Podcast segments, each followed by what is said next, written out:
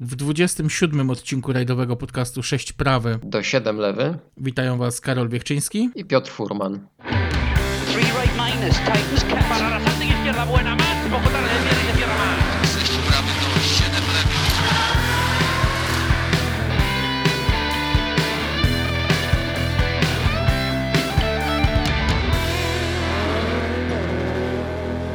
Po dłuższej niż zakładaliśmy przerwie wracamy do rajdowego świata kraju kwitnącej wiśni i chyba trzeba będzie na tapet wziąć erę WRC, bo o ile dobrze pamiętam, to skończyliśmy na e, grupie A i początkach e, właśnie ery samochodów WRC, ale tych prawdziwych WRC, starych, dobrych, dwulitrowych mm, aut.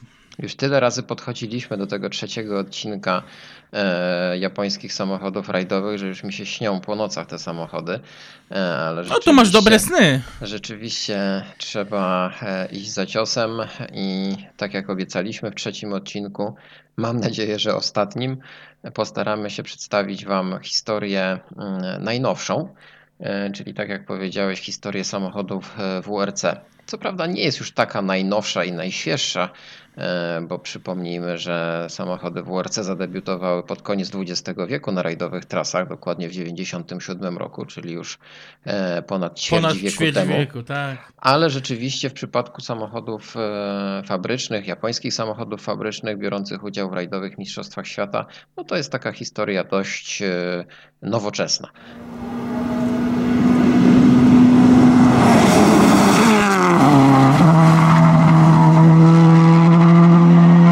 Cofamy się do 1997 roku e, i do debiutu pierwszego japońskiego samochodu e, klasy WRC w rajdowych mistrzostwach świata. No, on z WRC to był tak naprawdę bardziej z nazwy niż e, faktycznie wykorzystywał możliwości homologacyjne nowej klasy dla światowego samochodu rajdowego. Mm, Ale też nie ma się co dziwić, bo całej stawki tylko Toyota miała czas na to, żeby skupić się na przygotowaniu samochodu mm, w tej nowej klasie, e, w nowej grupie. Bo Subaru tak naprawdę rozwijała dwutorowo w pewnym momencie swoje auto. Mówię tutaj o końcówce 96 roku, to znaczy w dalszym ciągu trzeba było zachować tą, e, no użyję anglicyzmu, kompetytywność e, samochodu agrupowego, e, imprezy 555, a jednocześnie już zacząć przeszczepiać pewne rozwiązania do auta WRC. To też ta pierwsza impreza WRC z 97 mm, roku, ona bardziej mechanicznie przypominała właśnie imprezę 555. Oczywiście mieliśmy już nowe dwudrzwiowe nadwozie, które zapewniało o wiele większą sztywność. Ono też pozwalało na o wiele lepszy rozkład mas w tym samochodzie, bo w przypadku imprezy 555 inżynierowie dwoili się i troili, e, żeby e, poprawnie ustawić masę tego samochodu. To też jest e, ciekawa rzecz. E, Rozwiązania mm, nawet w samochodach homologacyjnych e, były tak dobierane, żeby właśnie jak najbardziej wyrównać ten poziom mas 50 na 50, co wcale takie proste okazuje się nie było. W przypadku auta, e, w przypadku auta dwudrzwiowego już tutaj można było bardziej kombinować. Co ciekawe, ono było bazowo lżejsze od auta czterodrzwiowego, jednak drzwi swoje ważyły. No i to też dawało właśnie pole manewru e, z przesuwaniem poszczególnych podzespołów w środku samochodu. O ile stara impreza e, w, grupowej, w agrupowej wersji e, była takim pięknym, klasycznym sedanem, o tyle właśnie to trzydrzwiowe nadwozie moim zdaniem było już takim dziełem sztuki nowoczesnej, e, użytkowej. E, Ten samochód był piękny od samego początku. Oczywiście on ewoluował, zmieniał się.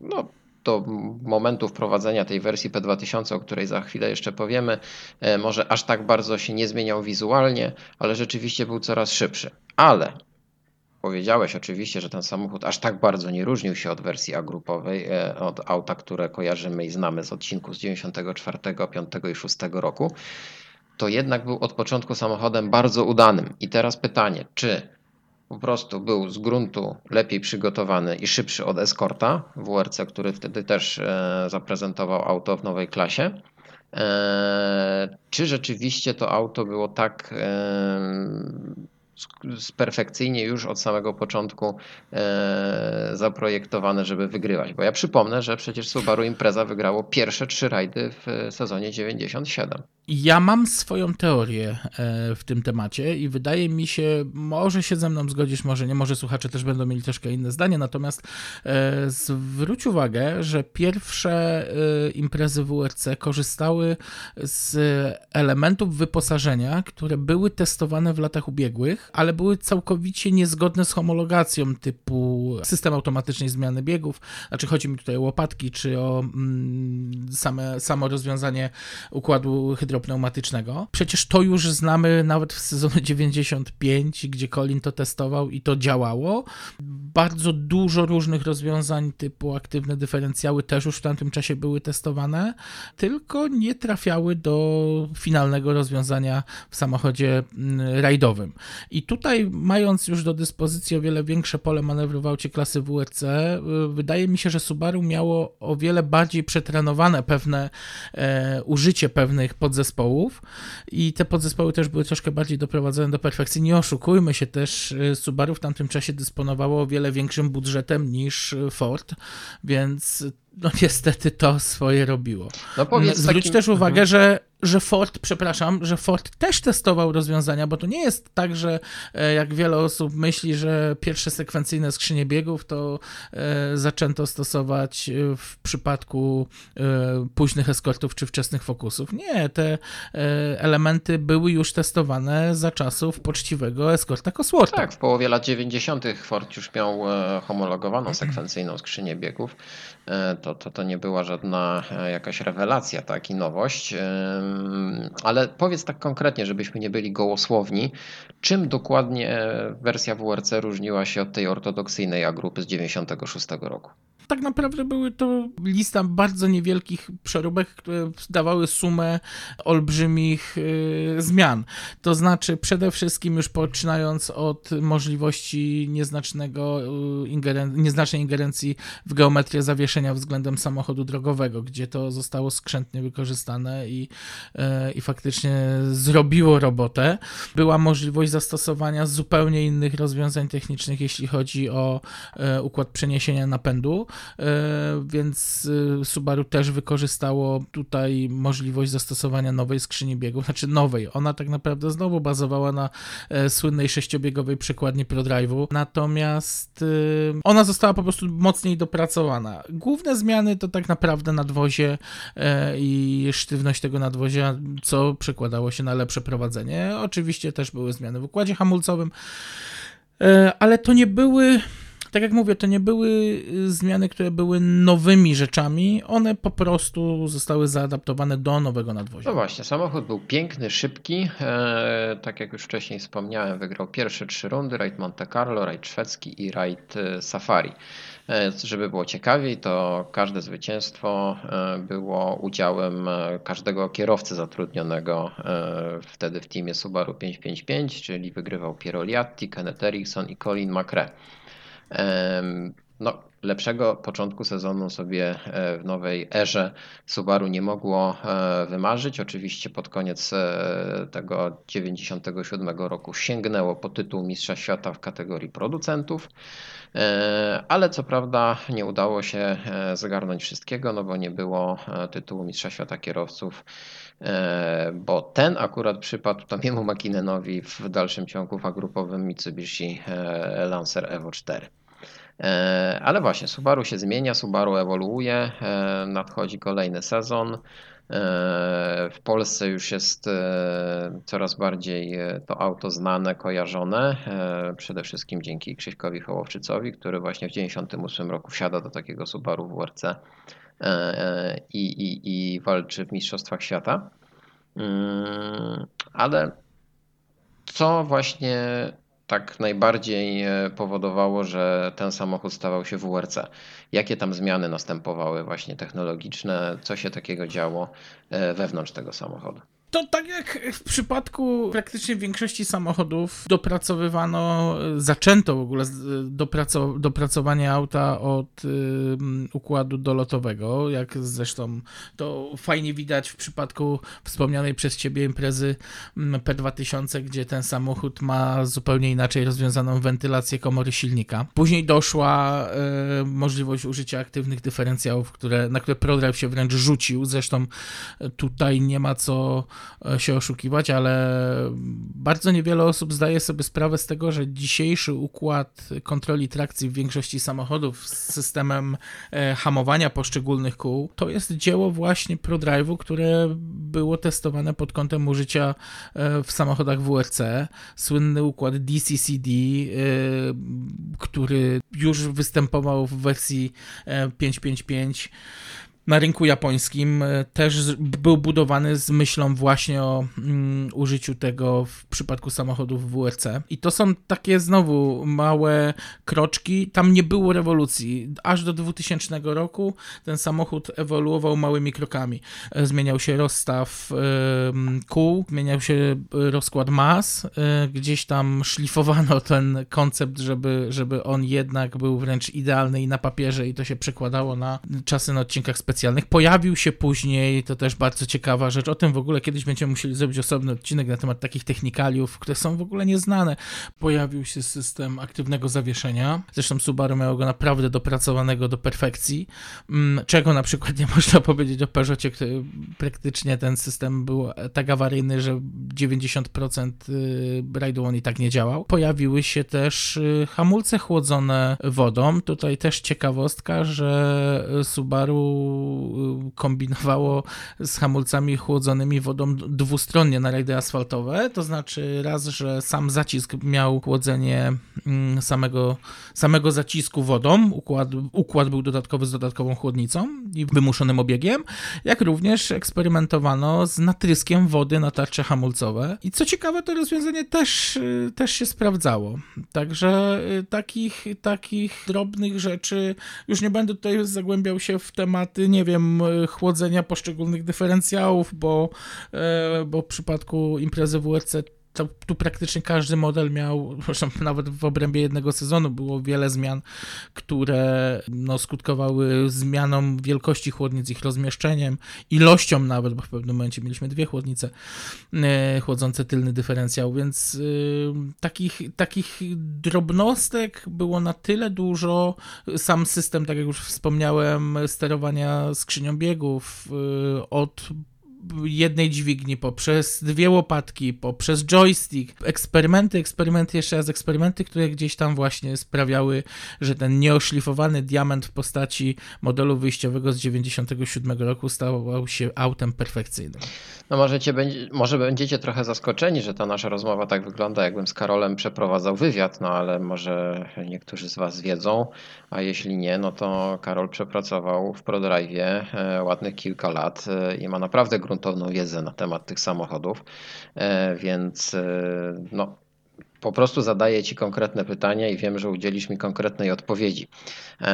Bo o Subaru wiem, że mógłbyś mówić godzinami, a ja chętnie bym tego słuchał żeby pokazać, jak ten samochód był dopracowany, y, z chwilą debiutu y, imprezy P2000 układ zmian, dźwigni zmiany biegów, bo tam, bo tam w ogóle to było prześmiesznie, ponieważ skrzynia biegów musiała pozostać y, w, w dalszym ciągu w, technicznie w formie budowy ze sterowaniem w kształcie litery H, to znaczy sterowanie wewnętrzne skrzynią. System przesuwek i, i, i wałków był dokładnie taki sam jak w przypadku skrzyni z układem litery H, natomiast cały cały ten y, management skrzyni, który był elektrohydrauliczny, a później nawet był w całości elektryczny, y, udawało się osiągnąć y, rezultat taki, że system zmiany biegów był dopracowany do, do takiej perfekcji, że potrafił zmienić bieg poniżej jednej dziesiątej sekundy. No, czyli diabeł tkwi w szczegółach. E, ja mam wrażenie, że Subaru było doskonałe technologicznie, wizualnie. E, a cały problem e, niepowodzeń na niektórych rajdach, szczególnie asfaltowych, chyba drzemał w tych feralnych pirelkach, e, na które Subaru się zdecydowało i, i, i wiernie trwało przy tym wyborze. No ale to oczywiście też jest temat na inną rozmowę. Wspomniałeś o tej imprezie P2000, czyli najbardziej rewolucyjnym, najbardziej rewolucyjnej ewolucji tego samochodu w historii e, WRC, bo wszyscy uważają, że to auto Subaru Impreza S7 czterodrzwiowe, czyli pierwszy czterodrzwiowy WRC był takim samochodem rewolucyjnym, ale to właśnie P2000, pomimo że upakowane w tym trzydrzwiowym starym nadwoziu, to jednak ono przyniosło najwięcej zmian. E, nie oszukujmy się, P2000 była tak naprawdę imprezą S7, czy tam 44S, bo to różne nazwy nomenklaturowo e, krążyły. E, to był dokładnie protoplasta tego samochodu, tylko upakowany w dwudrzwiowe nadwozie. E, tam największą zmianą konstrukcyjną w przypadku nadwozia względem imprezy WRC tej w latach 97-99 była konstrukcja klatki bezpieczeństwa którą zintegrowano do tego stopnia z nadwoziem, że e, szczególnie w tylnej części jej e, elementy stanowiły łoże dla mocowania tylnego dyferencjału, co miało zapewnić jeszcze większą sztywność nadwozia, jeszcze większy feedback z zawieszenia dla kierowcy. Mm, no i dużo lepsze prowadzenie się. I to faktycznie działało. Ten sam system został później przeniesiony do imprezy S7 takich, y, tak jak mówię, w przypadku P2000 jeszcze, jeszcze większym y, szokiem było, y, były prace badawczo-rozwojowe nad aerodynamiką tego auta, bo nagle okazało się, że z tego nadwozia da się wykrzesać jeszcze lepszy przepływ powietrza, żeby wystudzić silnik, bo nie oszukujmy się, te silniki cierpiały na dość mocny taki faktor przegrzewania się. Nie tylko silnik, ale i skrzynia biegów, no bo ona była była e, narażona na permanentną pracę w temperaturach grubo powyżej 100 stopni Celsjusza, więc e, w gorących rajdach jak w Grecji e, tam temperatura oleju potrafiła sięgać nawet i 140, 130-140 stopni, więc to naprawdę mm, nie lada wyczyn dla, dla środków smartnych w tych podzespołach, więc w przypadku P2000 został ten przepływ powietrza wymodelowany w taki sposób, żeby jak najbardziej go wykorzystać. E, to, to mówię, to widać już, już zewnętrznie. E, przed sezonem też były długotrwałe dywagacje, czy do samochodu zainstalować klimatyzację, czy nie, bo w tamtym czasie, tylko nie pamiętam w tym momencie nazwiska głównego fizjoterapeuty ProDrive'u, e, który, który w tamtym czasie zajmował się ekipą.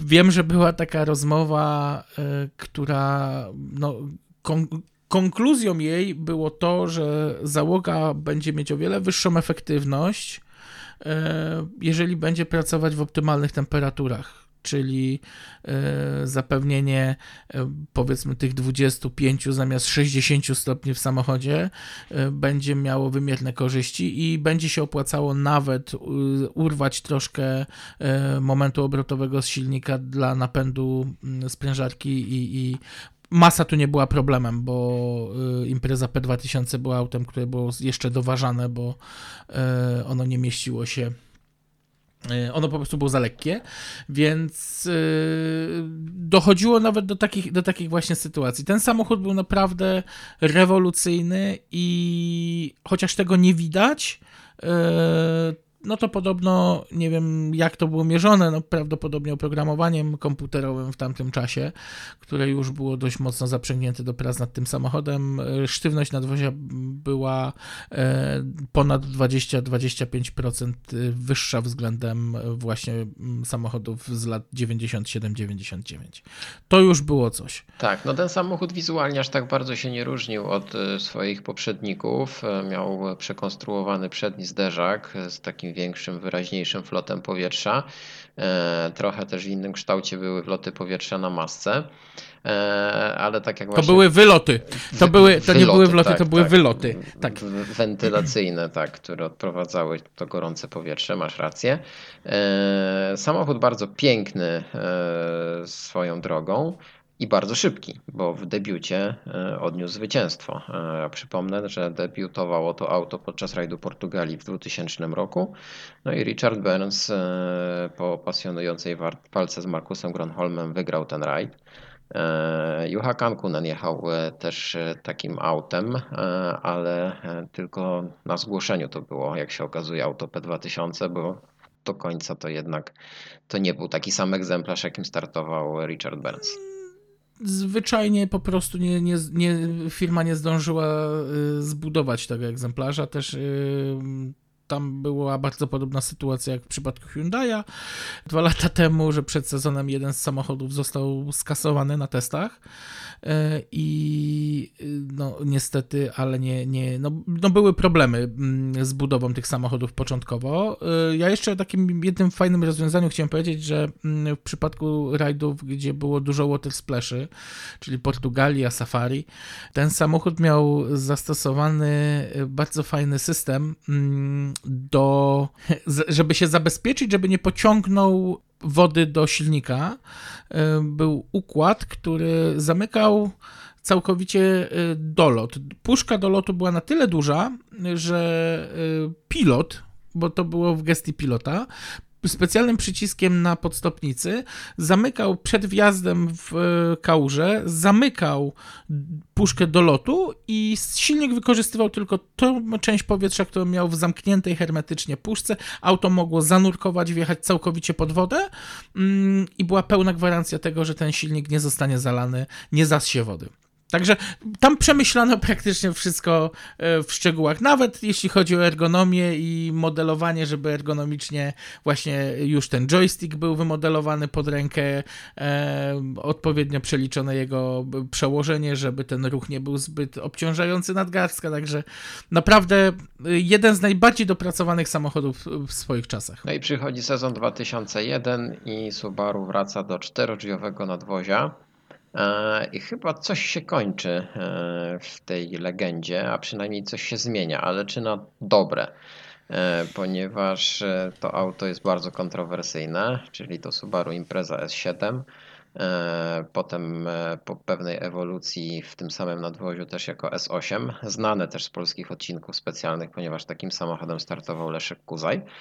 Czym tak naprawdę było podyktowane to, że Subaru zdecydowało się na to nowe nadwozie? Czy to tylko kwestie marketingowe? Marketing. Sam, no właśnie, bo sam tak. powiedziałeś wcześniej, że jednak to trzydrzwiowe nadwozie było bardziej sztywne i też ładniejsze.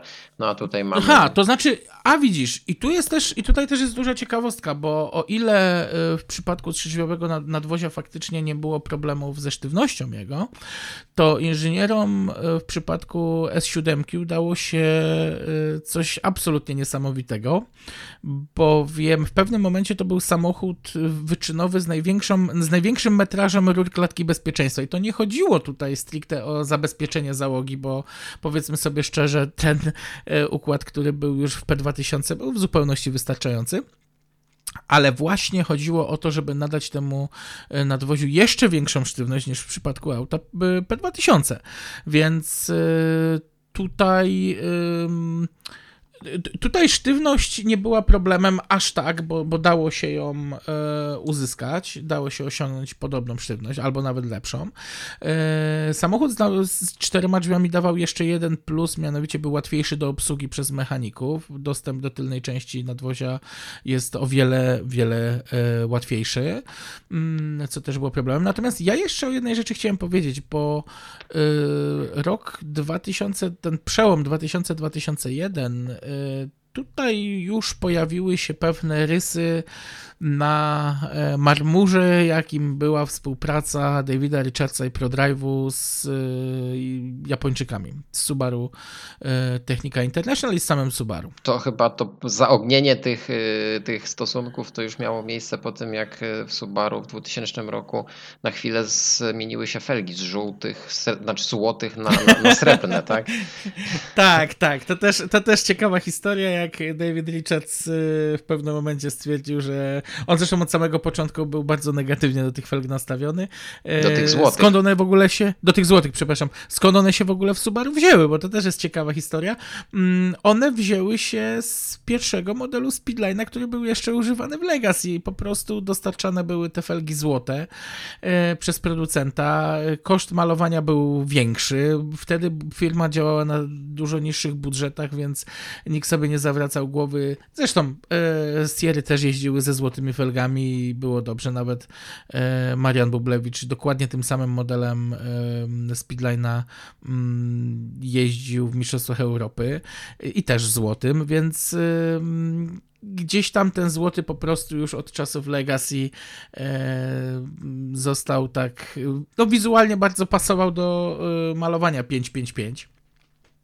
Natomiast Davidowi Richardsowi nie do końca się to podobało i on e, tylko czekał na to, żeby móc e, zmienić kolor i w 2000 roku faktycznie na Monte Carlo wszyscy doznali szoku, bowiem imprezy pojawiły się na srebrnych felgach. Mm, No i i było tutaj y, to zarzewiem konf- pierwszego takiego poważniejszego konfliktu między ProDrive'em a, e, a Subaru, bowiem e, Subaru, jak dobrze wiemy, nawet linie samochodów homologacyjnych czy, czy produkcyjnych y, bazowało na niebieskim w połączeniu ze złotymi felgami, a tutaj nagle pojawia się auto e, na, mm, na, na szarych na, na, na, przepraszam, na srebrnych felgach, e, więc już coś było nie tak. Oczywiście skończyło się to wielką awanturą i niestety David Richards musiał ustąpić. W, pe- w połowie sezonu duża część felg została zamieniona. Efekt tego był taki, że srebrne felgi e, poniewierały się jeszcze do e, no ja jeszcze pamiętam, jak, jak, jak ja pracowałem, że w Bambry można było się potknąć o mm, pojedyncze sztuki srebrnych felg, które gdzieś tam w magazynie leżały. Natomiast tutaj pojawił się też jeszcze jeden problem. E, mianowicie, widząc, co się dzieje z ProDrive'em, Subaru e, jak gdyby postawiło na jeszcze jednego konia. Mm, I tu myślę, że się zaczął budżet rozjeżdżać, bowiem w 2000, w 2001 roku powołany do życia został Subaru Motorsports USA. I ten amerykański oddział, owszem, on współpracował dość mocno z ProDrive'em, do pewnego stopnia oczywiście, natomiast on też był finansowany praktycznie z tego samego, y, mówiąc kolokwialnie, gara, y, co ProDrive, więc no, obydwa zespoły nie darzyły się wielką y, sympatią. Y, Jak to się skończyło, to doskonale wiemy. ProDrive z Subaru już dzisiaj nie ma nic wspólnego poza ProDrive Legends, y, a Subaru Motorsports USA istnieje do dnia dzisiejszego Mm, i ma się całkiem, całkiem dobrze, chociaż oni też od rajdów troszeczkę odeszli w ciągu ostatnich dwóch lat. Natomiast mówiąc znowu o y, Subaru Motorsports USA, y, chciałem jeszcze wspomnieć o samochodzie, bo już jesteśmy przy S7, y, to chciałem wspomnieć o samochodzie, który jest traktowany przez chyba wszystkich pracowników i ProDrive'u i Subaru USA za największego potwora, jaki powstał. Mianowicie chodzi mi o auto Ramana Lagemana S7 e, przebudowane do S9 e, ale było przebudowane także wizualnie z S7 obcięto przednią i tylną część nadwozia, dospawano nowe uchwyty na nowe światła i zderzaki. Mm, I dokładnie to samo zrobiono z tyłem, tak prowizorycznie e, to wszystko spawając. Mm, Natomiast wewnętrznie ten samochód to była hybryda auta rallycrossowego z samochodem WRC i co ciekawe, ten samochód osiągami e, no, przykrywał kapeluszem auta WRC ze swojego okresu, bo no tam owszem były troszkę inne przepisy, natomiast jak się kiedyś dowiedziałem właśnie od Ramany, to mm, ten samochód potrafił wygenerować z siebie prawie 600 koni, co wykluczało użycie sekwencyjnej skrzyni biegów, tej, która była znana z auta WRC i została zastąpiona zwykłą skrzynią biegów, taką najbardziej chamską, jaka tylko była możliwa z układem zmiany biegów manualnym w kształcie litery H, bo po prostu układ elektrohydrauliczny potrafił robić różne dziwne rzeczy. Mm, a sama skrzynia też dwukrotnie zrobiła im psikusa po prostu zakleszczając się. I to nie wynikało tam z jakichś błędów dobrania, nie wiem, sterownika czy, czy innego katofa, który powinien być zastosowany. Nie, po prostu ta skrzynia nie była przystosowana do przenoszenia takiej, takiej mocy i takiego momentu. Ten samochód, co ciekawe, istnieje do dzisiejszego dnia. Samochód absolutnie fantastyczny. Rozmawiając o Subaru, e, to pierwsze nazwisko, które nam się kojarzy z, te, z tą marką, to oczywiście Colin McRae, e, który no, spędził największy i najciekawszy okres swojej kariery. E, zdobył tym samochodem tytuł Mistrza Świata e, w 1995 roku, ale już poświęciliśmy jeden odcinek właśnie temu sezonowi, więc nie będziemy do tego wracać. E, ale drugim takim nazwiskiem, które jest kojarzone z Subaru, tylko już od tej epoki bardziej schyłkowej, czyli tego końca e, takiego głośnego i nawet niespodziewanego, jest Peter Solberg, e, który zawitał do zespołu Davida Richardsa w 2000 roku, w drugiej połowie 2000 roku. I tutaj chciałbym przejść właśnie do takiego drugiego etapu. No, wstępnie już rozmawialiśmy o tym sezonie 2001, o powrocie do czterodrzwiowego nadwozia. W 2002 roku do zespołu przychodzi Tommy Makinen, także że no, kolejna legenda zasiliła ten zespół, co prawda tylko na dwa sezony, e, ale jednak, ale to właśnie Peter Solberg e, daje Subaru trzeci tytuł Mistrza Świata Kierowców w 2003 roku e, w całkiem nowym samochodzie, tej Subaru Imprezie S9. Jak ocenisz e, tamte lata? Czy to rzeczywiście talent Petera Solberga jeszcze uskrzydlał to auto, które mam wrażenie, że trochę zaczynało coraz bardziej odbiegać od konkurencji, szczególnie od nowego Focusa RS? E, czy to auto w dalszym ciągu było tak udane i, i jeszcze konkurencyjne? Wiesz co, trudno to tak naprawdę powiedzieć, bo nie można tak e, wylewać dziecka z kąpielą. Ten samochód w dalszym ciągu był konkurencyjny i w dalszym ciągu e, dało się nim wygrać tytuł Mistrza Świata, więc e, mm, on, on tak do końca też nie odstawał od tego Focusa. Subaru, a w zasadzie ProDrive w pewnym momencie zorientował się też, że y, no, kranik z pieniążkami zostaje zakręcony, może nie całkowicie, ale, ale już nie płynie taki szeroki strumień y, funtów szterlingów, jaki płynął wcześniej. Bo tu trzeba przypomnieć o tym, że Subaru ma na początku, na przełomie XX i XXI wieku przerwę w współpracy z tytoniowym potentatem produkującym papierosy 555. To 555 wraca w 2002 roku z powrotem na te samochody rajdowe i mamy te klasyczne barwy, e, ale właśnie te problemy budżetowe tam się zaczynały nasilać wtedy już, nie? Tak. Tak, zdecydowanie tak. Prodrive też y, bardzo żywo zareagował na, na te zmiany i co było naprawdę fantastyczne, to yy, zmiana podejścia do budowy samochodów. To znaczy, z chwilą, jeżeli nie mamy możliwości budowy całkowicie nowych rozwiązań technicznych, to co robimy? Optymalizujemy.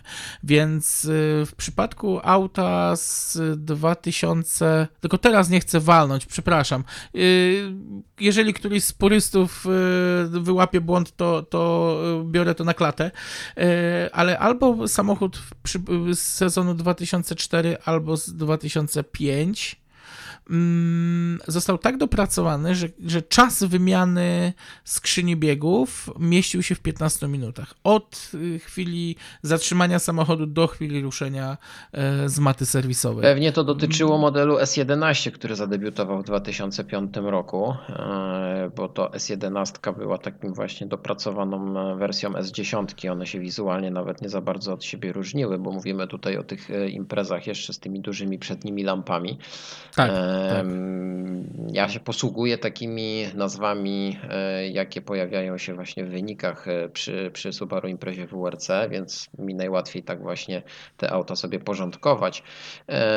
Czyli Tutaj wspomniałeś o bardzo ważnej rzeczy. To auto jest w dalszym ciągu udoskonalane, e, w dalszym ciągu jest konkurencyjne e, i, i jest w stanie wygrywać. Tak, ale już brakuje gdzieś tego budżetu na to, żeby robić całkowitą rewolucję. To nie jest już e, ten poziom zmian, który mieliśmy na przełomie 2000 i 2000 e, i 2001 roku, e, czy tam 99 i 2000, więc tutaj nie ma, nie ma już aż takich rewolucji.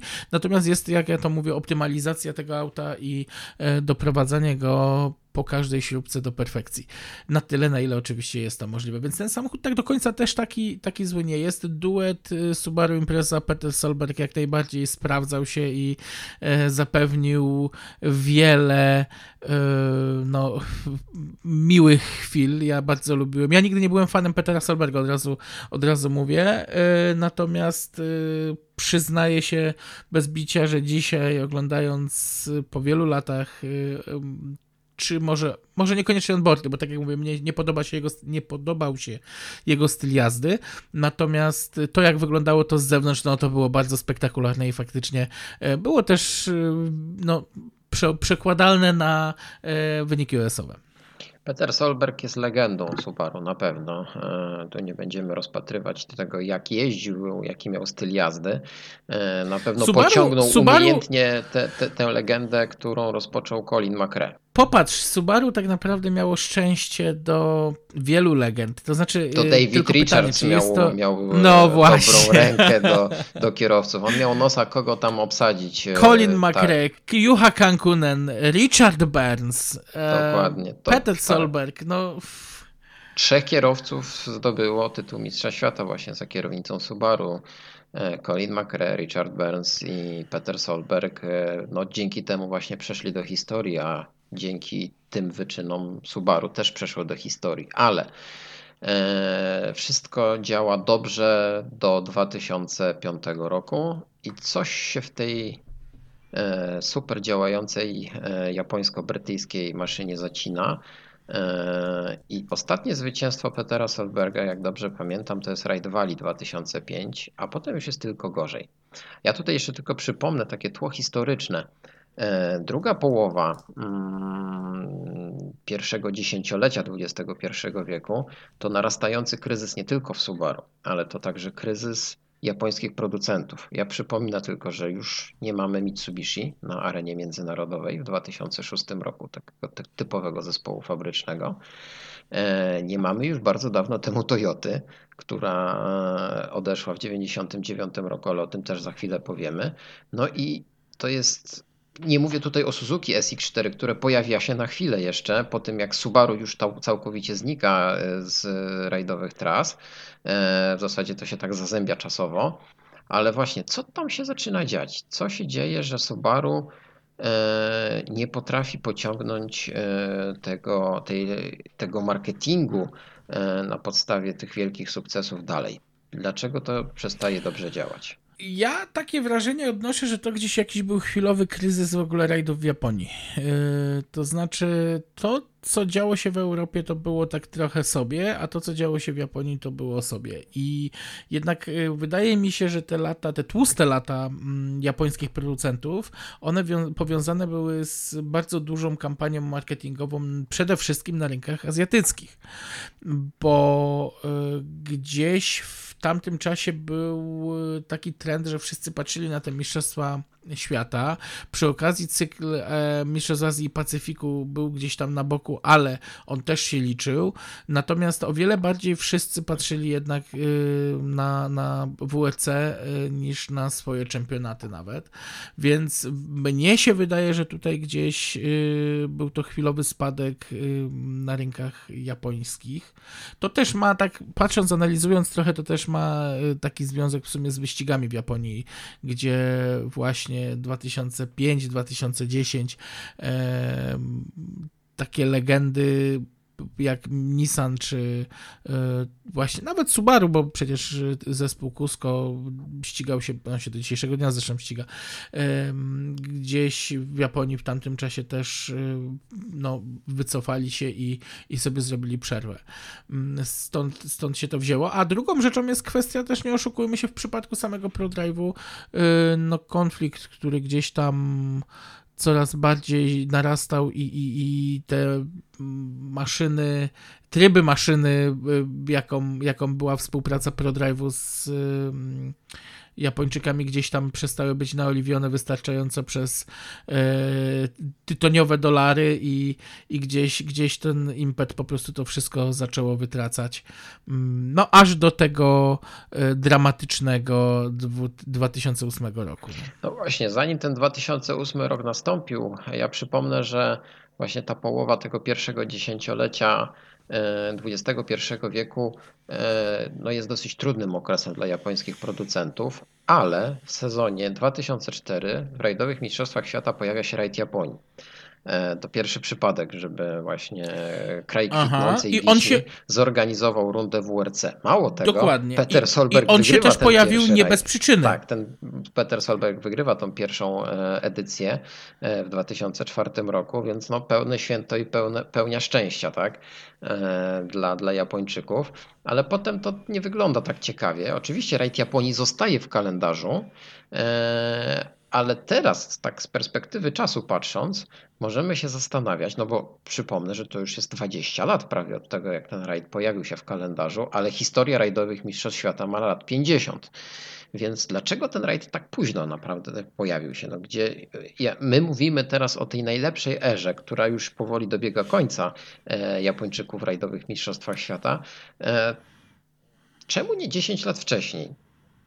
Co tam takiego nastąpiło w tej Japonii? My już o tym trochę rozmawialiśmy, ale ja mam wrażenie, że jednak trochę za późno i to się całkowicie rozjechało, że tu mamy rajd Mistrzostwa Świata, co? a coraz mniej japońskich producentów. A ja odnoszę trochę wrażenie takie, że ten rajd został y, na siłę powołany do życia, tylko i wyłącznie, bo to y, tak naprawdę inicjatywa nie była oddolna, tylko, tylko bardziej odgórna.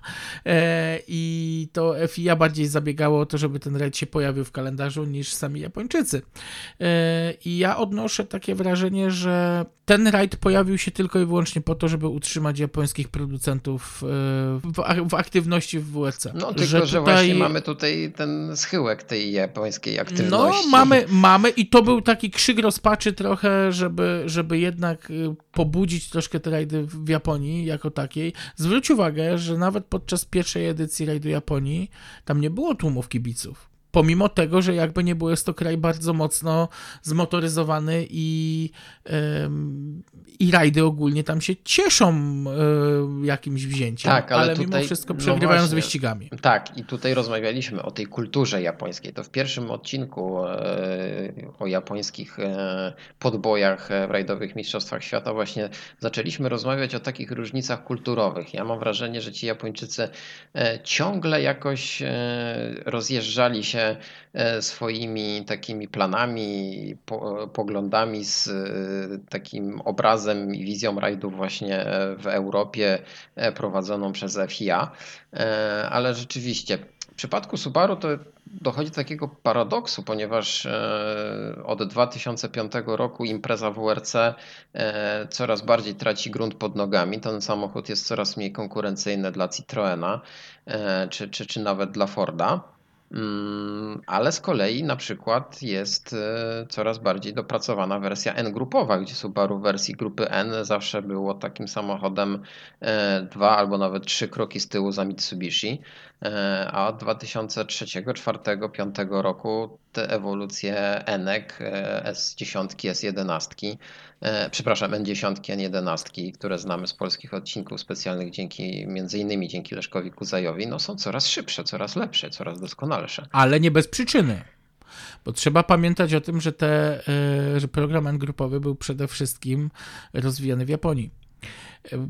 ProDrive tak naprawdę od samego początku samochody grupy M traktował bardzo po macoszemu. To, no, dzisiaj można to śmiało powiedzieć, że oni tak naprawdę e, nie chcieli się angażować za bardzo w, w budowę samochodów grupowych. No, czasy prosperity e, firmy przed rokiem 2000 jednak e, rozbisurmaniły ich do tego stopnia, że e, oni by chcieli tylko sprzedawać auta WRC i powiedzmy sobie szczerze, jak sam dobrze wiesz, yy, nie zawsze te transakcje były takie, jakie być powinny, czego najlepszym przykładem będzie Leszek Kuzaj.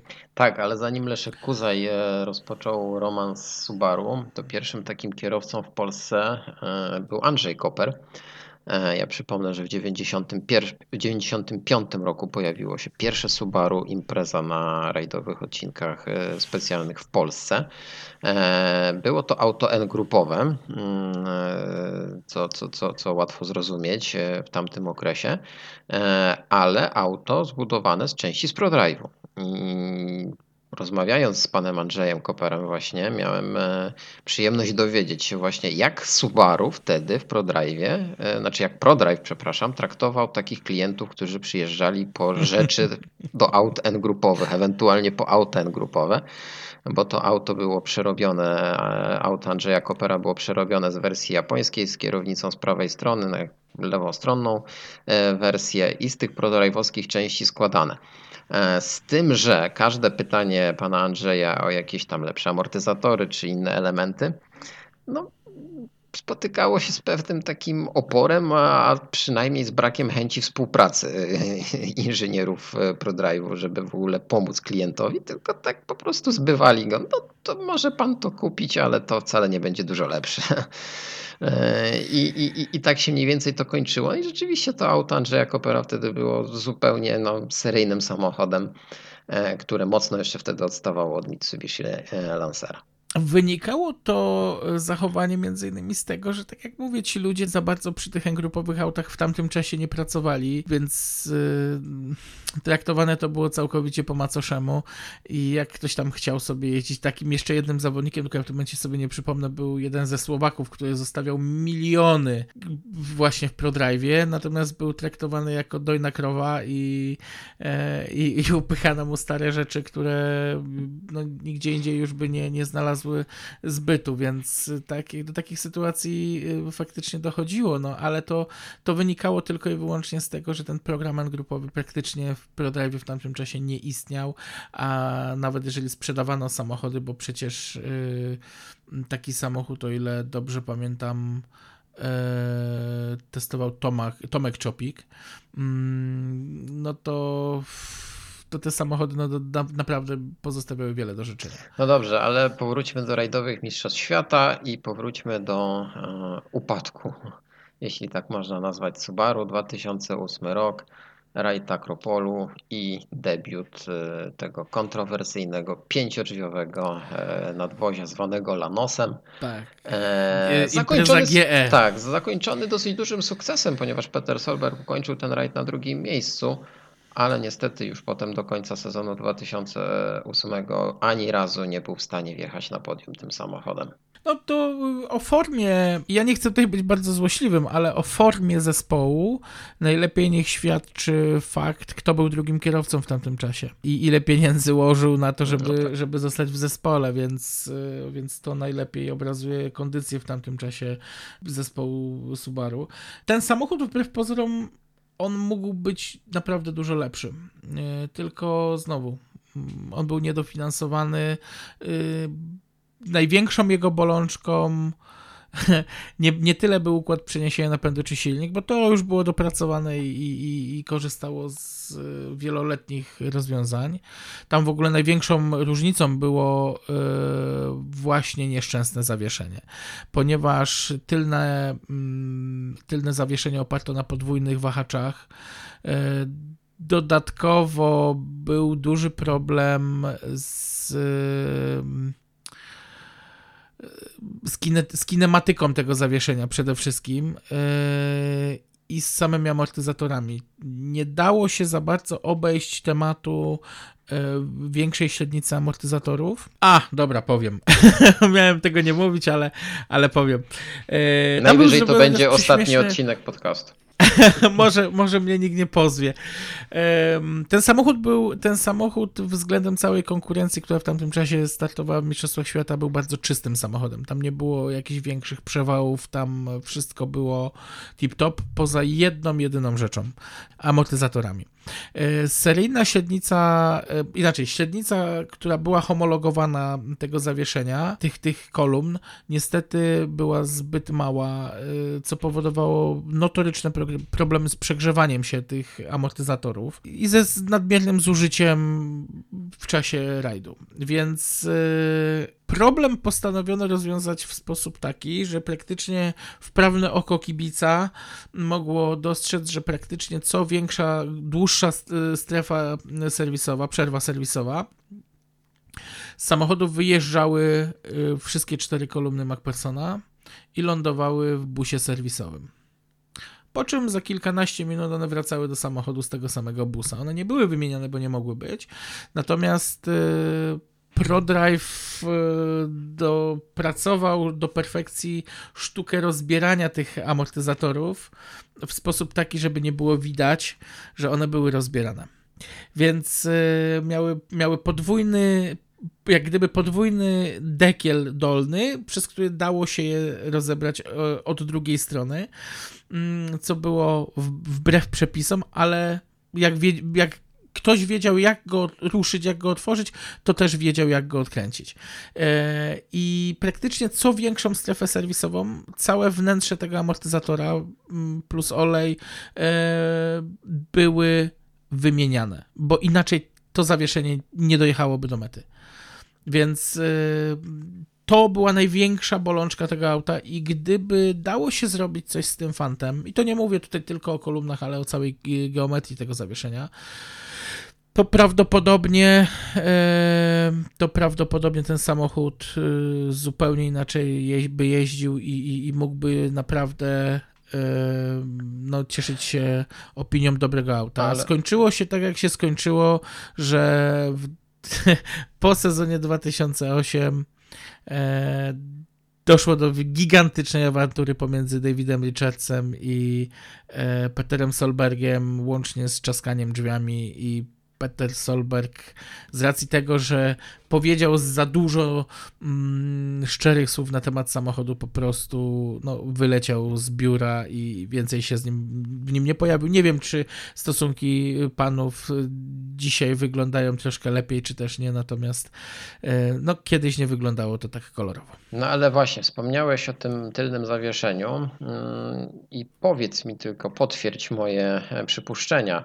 Moje, ja mam wrażenie, że te problemy, bo one też się pojawiły przede wszystkim w samochodzie, grupy N, w N14, e, wynikały po prostu ze złej konstrukcji modelu bazowego, seryjnego samochodu, który tak, no tak, niestety tak, oczywiście. E, był źle skonstruowany właśnie w, w tym miejscu, w tej sferze e, i te problemy właśnie z tym tylnym zawieszeniem przeniosły się z seryjnego samochodu poprzez N-grupę do auta WRC. Ale gdzie, jeszcze, kiedy wiesz, tak wiesz naprawdę... Co? Jeszcze mhm. jedną, jedną rzecz jeszcze chciałem powiedzieć na temat tego samochodu. Mało kto pamięta, ale w sezonie 2008 kierowcą testowym był Marco Mar. Tak. I Marco ten samochód testował no do upadłego. Generalnie on powiedział, że gdyby przeszczepić do tego auta właśnie zawieszenie e, z platformy GC, czy, przepraszam, GD, czyli tego auta budowanego w latach 2001-2008, to naprawdę stworzono by idealny samochód rajdowy. Więc y, tak naprawdę z tym autem nie było tak do końca źle, no tylko znowu brak funduszy, brak modelu no bazowego no tak. i brak możliwości adaptacji modelu bazowego do standardów WRC. Starając się skończyć temat Subaru e, w dzisiejszym Oho, odcinku. Ho.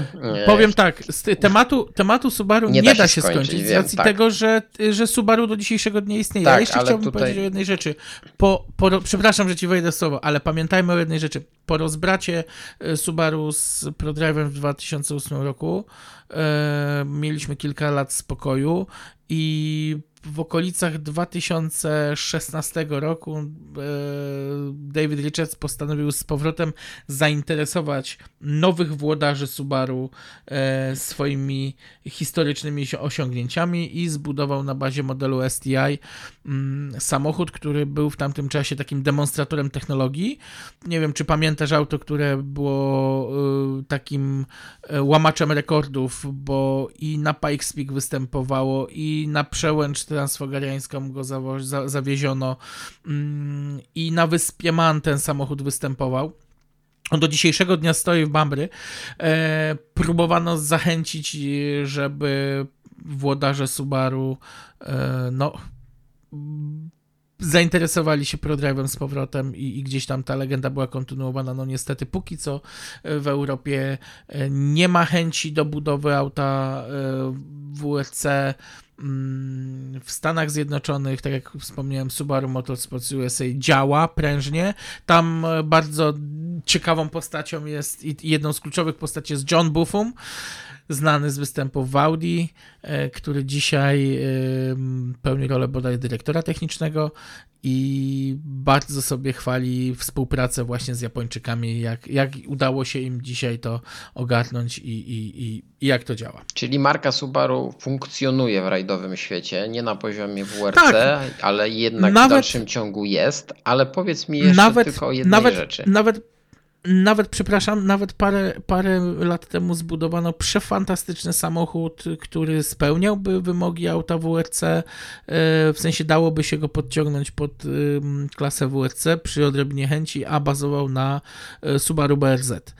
Więc... No to by było dosyć dobrym pomysłem, myślę. To auto się nadaje wizualnie i, i, i gabarytowo byłoby takim ciekawym przedsięwzięciem, ale myślę, że w dobie e, produkowania samochodów e, WRC, no już teraz nie mamy samochodów WRC, ale od 2011 roku w dobie produkowania samochodów na bazie aut e, na zakupy, no niestety nawet takie Subaru BRZ by chyba się nie odnalazło.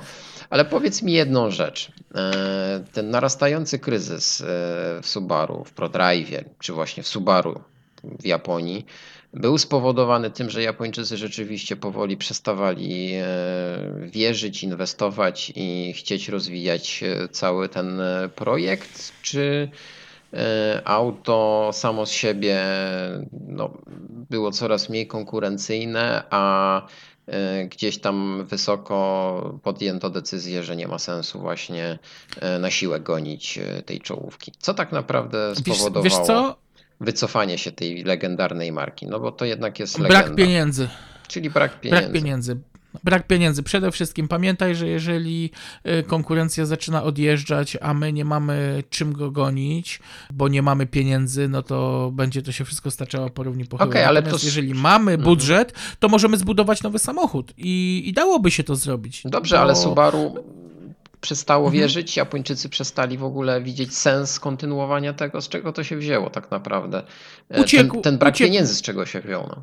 Uciekł sponsor, to jest pierwsza rzecz. Poza tym y, zostali sami na polu bitwy. Ze wszystkich japońskich producentów w pewnym momencie zostali sami i wydaje mi się, że to się też y, stąd wzięło, że y, no nie sami, ale okej. Okay. ale, ale wydaje mi się, że po prostu ten brak konkurencji ze strony innych japońskich marek też gdzieś sprawił, że mm, no stwierdzono, że już nie ma, nie ma czego gonić po prostu. Okay. Tak, takie jest moje zdanie. Ja tylko przypomnę, że e, ostatnie drzwi w Subaru zamknęli Peter Solberg e, jako kierowcy. E, Peter, Peter, Peter Solberg i Chris Atkinson. To byli ostatni kierowcy. Oczywiście te samochody nie zniknęły z rajdowych tras. Jedno z takich, z takich imprez, chyba nawet nie wiem, czy nie więcej nadwozi, może będziesz wiedział, przejęła szwedzka Adapta, rodzina Ostbergów. Takim samochodem startował Mats Ostberg. Mało tego, taką imprezą S14 wystartował Markus Gronholm w rajdzie Portugalii. Potem, jak już zakończył karierę, no, coś się na pewno skończyło, definitywnie, e, bo z, w momencie odejścia Subaru e, z rajdowych Mistrzostw Świata praktycznie już e, nie mieliśmy żadnych japońskich producentów. E, na chwilę w 2007 roku, e, do końca 2008 roku mieliśmy Suzuki SX4. Też ciekawa Piotrze, przepraszam, prze, przepraszam, że ci przerwę, bo Mhm. y, byłem po książkę właśnie, y, takie podsumowanie, ale y, y, opracowanie ekonomiczne, jak, bardzo ciekawa pozycja, jak rajdy wpłynęły na rozwój marki Subaru i taka, no ciekawostka, jako powód oficjalny wycofania się zespołu Subaru były ciężka ekonomia firmy w połączeniu z trudnymi czasami. Tak to, tak to w wolnym tłumaczeniu można, można przekazać, że Czyli, e, czyli to, co- oficjalnym powodem czyli to, co kryzys. parę lat wcześniej przerobiło Mitsubishi.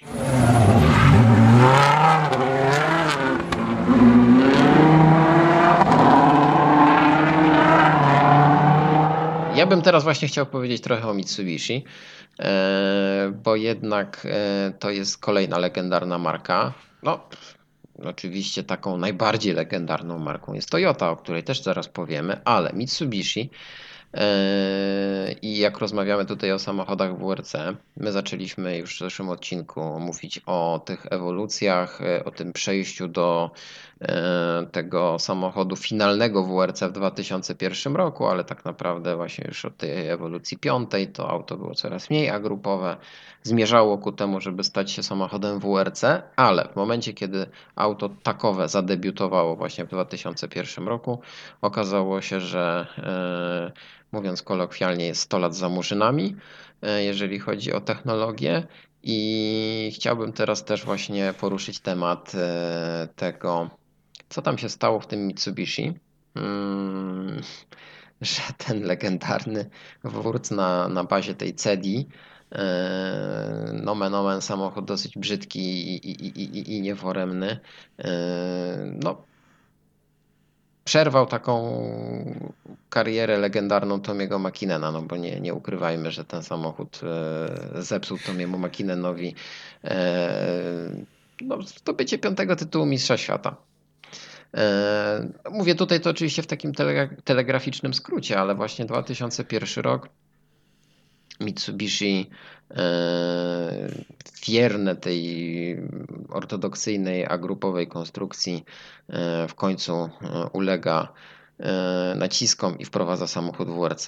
Dlaczego wtedy? Znaczy, oni, oni nie, mo- nie, oni nie, nie można powiedzieć, że ulega naciskom. Oni nie mieli już wyjścia, oni byli postawieni No pod to, ścianą. no tak to naprawdę. właśnie dlatego uległo już takim naciskom bardzo bezpośrednim ze strony FIA, no bo wiemy doskonale, rozmawialiśmy też na ten temat, e, jak to wyglądało, że FIA, e, mówiąc e, tak obrazowo, przymykało oko. No i to Mitsubishi. My dużo już powiedzieliśmy w drugim odcinku o historii, jak ten e, zespół się rozwijał, czy to rzeczywiście był zespół fabryczny, bo się okazuje, że nie do końca, ale to odsyłamy Was do drugiej e, części, do drugiego odcinka. No ale okej. 2001 rok. e, Subaru prze do przodu, Toyoty nie ma, a Mitsubishi zostaje w tyle. E, Jak, jak to ocenić i, i co możemy na ten temat powiedzieć? No, najlepiej to. E, najlepszą oceną tego wszystkiego, co tam miało miejsce, to jest decyzje personalne, e, które miały miejsce bodaj po rajdzie Korsyki. Kiedy George Donaldson, który był menadżerem zespołu, po prostu zwyczajnie zrezygnował.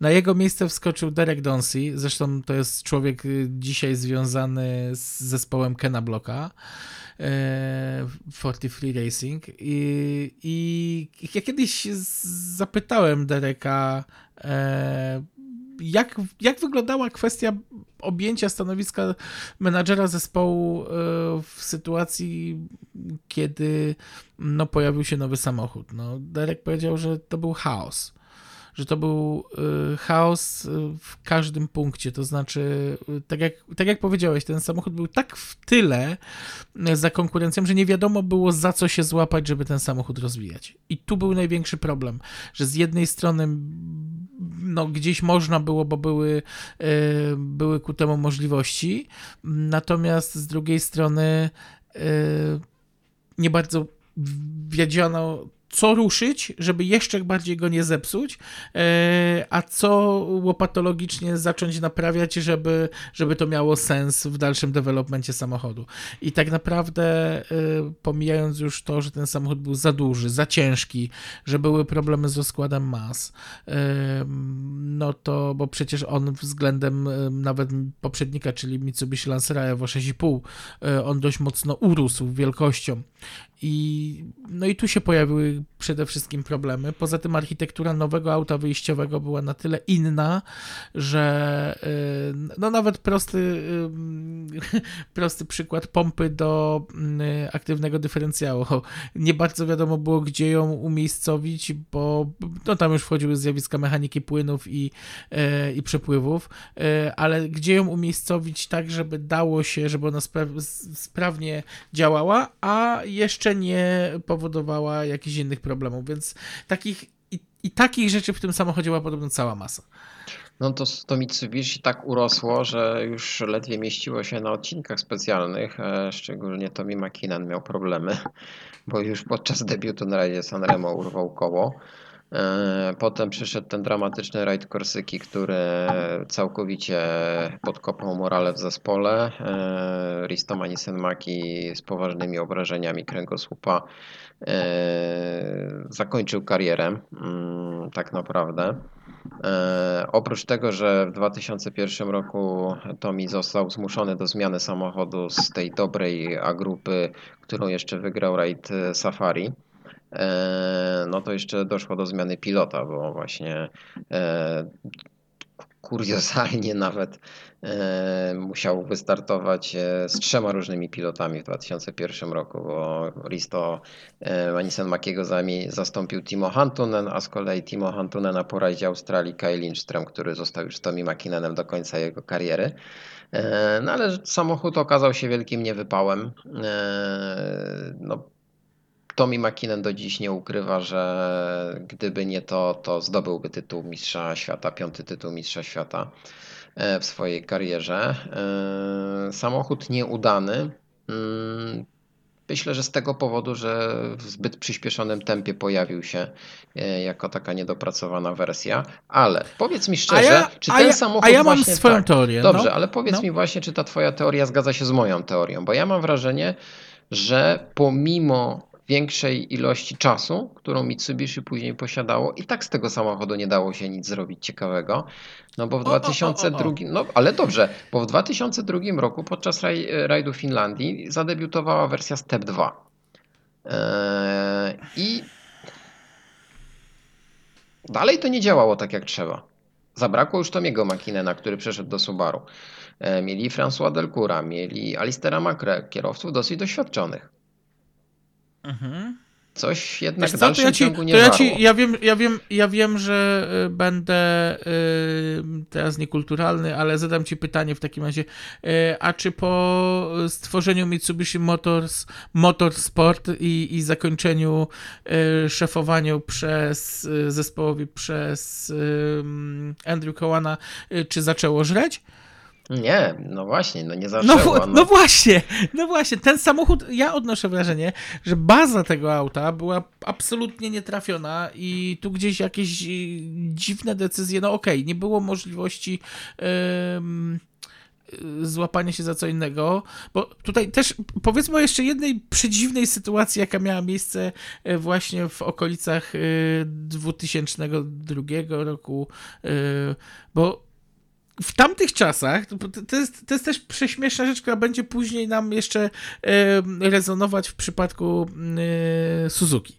W tamtych czasach chodziła obiegowa opinia, że samochód rajdowy nie może być mały. E, I sytuacje takie jak Peugeot 206, dobrze mówię, 206, tak, 206 e, WRC, mm, to jest evenement że samochód mały ma bardzo ograniczone pole manewru na y, etapie projektowania go i manewrowanie rozkładem mas, manewrowanie y, punktami mocowań zawieszenia y, i całą geometrią tego zawieszenia. Nie ma to takiego, tak, takich możliwości jak w przypadku samochodu dużego. Stąd też w tamtym czasie mieliśmy wysyp właśnie sedanów i aut, które były wielko, wielkością troszeczkę większe.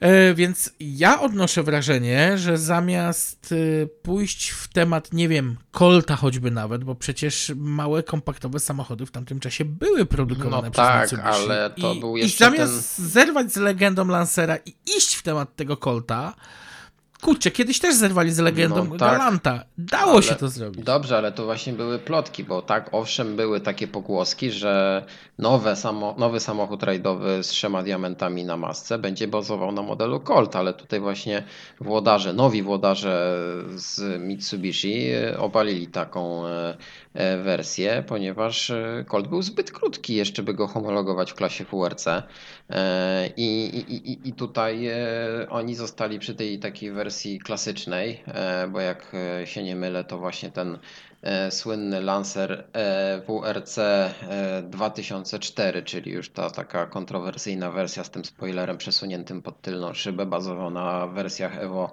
7 i Evo 8. No fakt, Ale to w dalszym ciągu była płyta podłogowa Tak, Cedi, nie? dokładnie, Czyli dokładnie. dużo większy samochód. No właśnie, tylko teraz tak.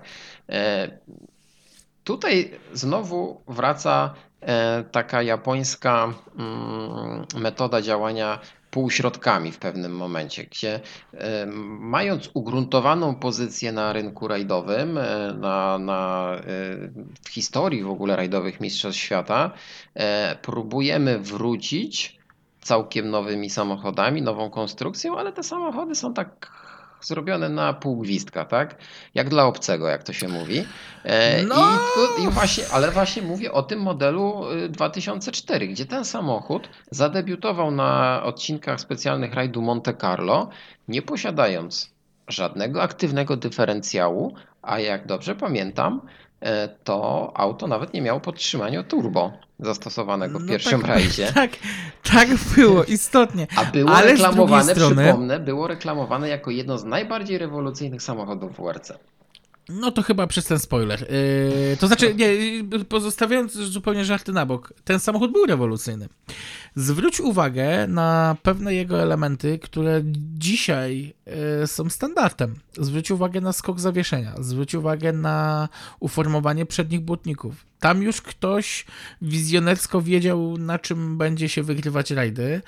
Mm, No, a nie zawracano sobie głowy takimi rzeczami jak podtrzymanie turbo czy mm, aktywny dyferencjał. Faktycznie y, odnoszę wrażenie, że odkąd y, do życia powołany został właśnie ten y, potworek pod tytułem Mitsubishi Motors Motorsport. Nie wiem dlaczego zerwano w ogóle wtedy z, Ralliartem. tak. Mm, Dla mnie głupota.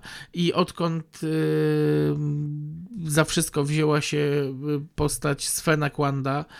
Y, Ale właśnie zerwanie z Ralliartem, e, przepraszam, e, Ralliart był jednak, występował w tej swojej formie takiej graficznej na tych samochodach w dalszym ciągu, tak. tylko Oczywiście, ale dlaczego, dlaczego, to znaczy, okej, ja, ja po części rozumiem, dlaczego nie był to Ralliart, bo tam chodziło o to, że e, prawa do Ralliartu miał em, Andrew Cowan. E, I on był, on był w tamtym czasie, o ile dobrze pamiętam, e, prezesem w ogóle Rally Art Europe. Nie, więc e, nie mogłoby się to nazywać Art Europe, bo Andrew Cowan nie był już wtedy e, oficjalnie szefem zespołu.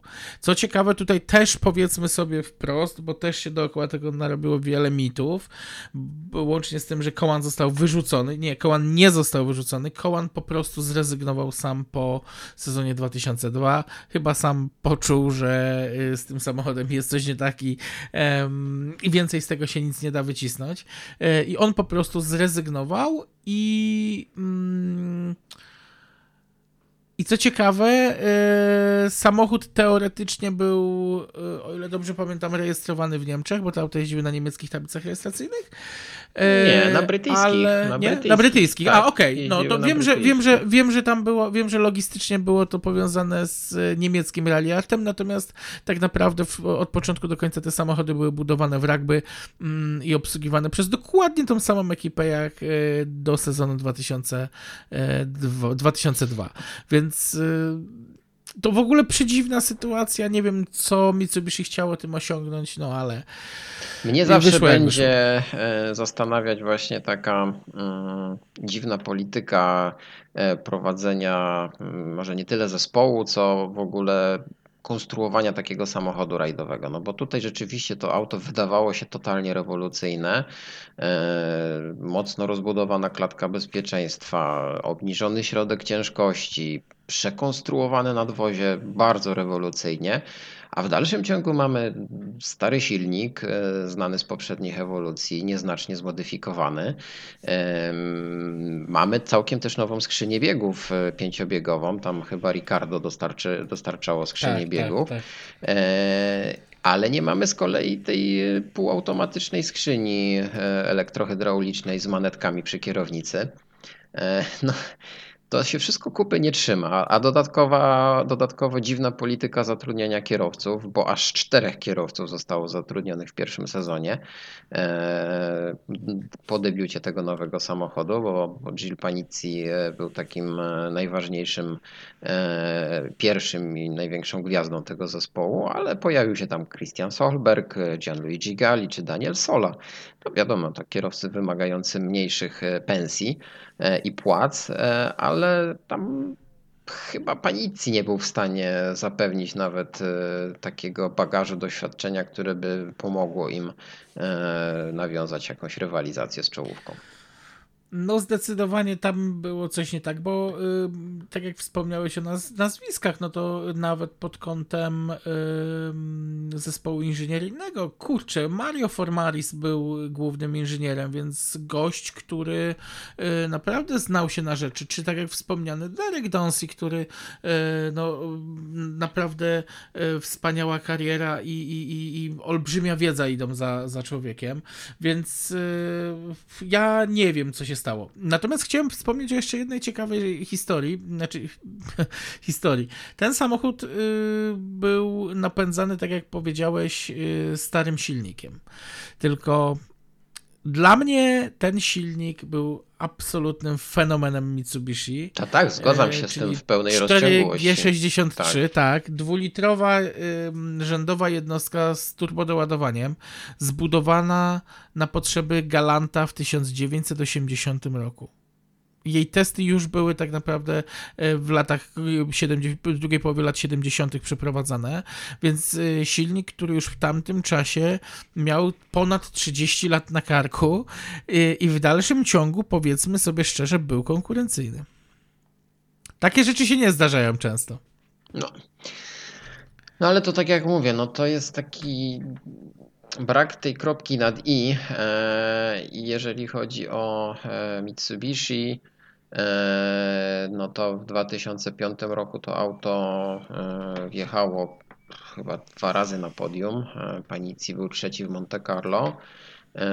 Doszedł w 2005 roku do zespołu Harry Rovampera, któremu udało się zająć drugie miejsce w rajdzie Australii. No to był bardzo duży sukces. Może gdyby nie przygoda z kangurem po drodze, byłoby trochę lepiej. Ale mm, koniec pewnej ery. Mm, wcześniej mówiliśmy o Subaru, mm, a teraz koniec ery Mitsubishi. To koniec moim zdaniem tej ery właśnie japońskich producentów. I pomimo, że teraz mamy Toyotę, zaraz o Toyocie też porozmawiamy i o tym powrocie Toyoty, E, to ja jednak e, tęsknię za, za trzema diamentami, za Plejadami i e, nie widzę chyba szans na to, żeby te samochody powróciły. Ale to też zaraz powiesz, na sam koniec może zostawimy sobie to, jak właśnie w tej chwili mhm. Azjaci i Japończycy postrzegają rajdowe Mistrzostwa Świata. Jasne, ale powiedziałeś o dwóch markach, czyli Subaru i Mitsubishi. Ja jeszcze chciałem tylko taki hołd tutaj oddać tym dwóm wspaniałym samurajom, czyli Subaru Imprezie i Mitsubishi Lancerowi i to w tym wykonaniu drogowym, no bo to były samochody, które całkowicie zrewolucjonizowały postrzeganie samochodu rajdowego na ulicę, stworzyły całkowicie nową klasę e, w, w segmencie handlowym e, i stały się prawdziwymi ikonami mm, jeszcze za swojego życia, e, no bo którzy z nas nie marzył o tym, żeby mieć w garażu i jedno i drugie auto. Jedno, że było szybsze i agresywniej wyglądało, mówię tutaj o e, Lancerze, a drugie, które piękniej brzmiało swoim dwulitrowym bokserem, więc, a później dwójpółlitrowym bokserem, więc, mm, więc to auta, które e, naprawdę jak mało który samochód w historii e, odcisnęły swoje piętno właśnie na kartach automobilizmu. No ale my się właśnie wychowaliśmy na tej epoce, na epoce japońskich samochodów e, rajdowych. Przypomnij nawet właśnie to, jak zobaczyłeś imprezę WRC podczas rajdu Polski 98 i właśnie zapragnąłeś być blisko tego wszystkiego i właśnie to auto porwało twoje serce e, i e, rozpaliło twoją pasję. Tak naprawdę. No to był jak, tak, to był jak statek kosmiczny, jak, Tak. jak, y, jak ten samochód zjechał z lawety, pamiętam, y, no później się y, rozmawialiśmy z Polem Howardem na ten temat, bo on wtedy był tu w Krakowie i, i strasznie się śmiał z tego, jak wielkie wrażenie ten samochód mógł zrobić na e, nastolatku wówczas, który, który przyjechał oglądać rajd. Natomiast on mi powiedział tylko, że ten samochód w tamtym czasie robił i wrażenie na nich samych, bo był naprawdę szybki i e, oni mieli świadomość obcowania z najnowocześniejszą technologią wówczas, więc jak najbardziej zrozumiałe mm, wrażenie. Lancer z kolei, e, no to wojownik grupy N, który chyba wszystkim z naszego pokolenia właśnie będzie się kojarzył z tym charakterystycznym dźwiękiem Enki i z charakterystycznym sposobem jazdy, gdzie szanowało się prędkość i tak oszczędzało te hamulce, żeby, żeby później nie trzeba było zaczynać za, po zakręcie od zera, więc No, ale fantastyczny rozdział w e, historii samochodów i niestety obawiam się, że już do takiej sytuacji, kiedy z takim mm, sentymentem będziemy wspominać jakieś e, auta produkcyjne, już niestety nie dojdzie. Na szczęście mamy jeszcze Toyotę e, i wypadałoby teraz też coś powiedzieć o samej Toyocie. Choć już w naszej historii podcastowej bardzo często poruszaliśmy ten temat. Oczywiście nie będziemy tutaj wracać do afery turbosprężarkowej z 1995 roku, ale właśnie ta afera e, i, i, i, i to, co się wtedy stało podczas, to co wtedy e, wyszło e, po rajdzie Katalonii, było motorem napędowym w pewnym sensie do tego, żeby wprowadzić całkiem nowy samochód, nowy model na rajdowe trasy, już w kategorii WRC. Toyota Corolla WRC, czyli troszeczkę jeszcze się cofniemy w czasie, 97 rok. E, Czyli e, wracamy do tego momentu, kiedy Japończycy się rozpędzają znowu. E, W 97 roku powiedzieliśmy o tym debiucie samochodu WRC, o tej nie do końca pełnej e, WRC kategorii w przypadku imprezy, czy nawet eskorta. No ale właśnie, mamy sierpień 97 rok, rajd Finlandii, debiutuje Corolla WRC. No i to chyba był taki najbardziej e, zrealizowany samochód w tej kategorii. E, Ja mam wrażenie, że wtedy Japończycy stworzyli najbardziej chyba optymalny samochód WRC w historii. Czy się z tym No, ze mną zgadzasz? Bo Ja myślę, nie ja musisz. myślę, że tak i ja myślę, że tak i to ni- paradoksalnie nie przez y, jego rozdział w rajdowych mistrzostwach świata. E, bo jeżeli zobaczysz y, jak wiele imprez narodowych ten samochód wygrał i to ile lat już po e, Tak, o wycofaniu tym zaraz będę chciał powiedzieć ich- też właśnie. tak, z, ze ścigania się w rajdowych mistrzostwach świata, to jest absolutny fenomen. Tak. E, Samochód konstrukcyjnie bardzo ciekawy, bo to I jest jeden z właśnie z tych i prosty. Co ciekawe, e, też e, konstruktorzy stanęli właśnie nad podobnym e, problemem, czyli upakowanie wszystkiego w auto o mniejszych gabarytach. A ale nie ukrywajmy, ciekawe- że te bebechy, nieładnie mówiąc, no, pochodziły z Seliki. Tak, i pamiętajmy jeszcze jedną rzecz. Ten samochód miał niemalże identyczny rozstaw e, osi, właśnie jak e, Celica ST205. Więc. e, To się wydaje wręcz nieprawdopodobne, patrząc na obydwa te nieprawdopodobne, samochody, tak, nie? Tak. Ale to Corolla akurat okazuje się tym tą kwintesencją właśnie samochodu rajdowego, może ona do końca się nie podobać. Może być takim samochodem e, wizualnie niezbyt przystępnym dla wszystkich. O gustach się tutaj nie dyskutuje. Oczywiście dla mnie Subaru będzie zawsze tym takim e, najpiękniejszym dziełem sztuki użytkowej. E, ale Toyota Corolla mm, debiutuje w 1997 roku. E, jednym z kierowców wtedy jest e, Markus Gronholm który prowadzi w, przez kilka odcinków specjalnych w Finlandii. E, I no, do końca sezonu mamy kilka takich już e, mocnych akcentów w postaci wielu wygranych odcinków specjalnych i zbliżamy się do sezonu 98, no, który w pewnym sensie do Toyoty należał.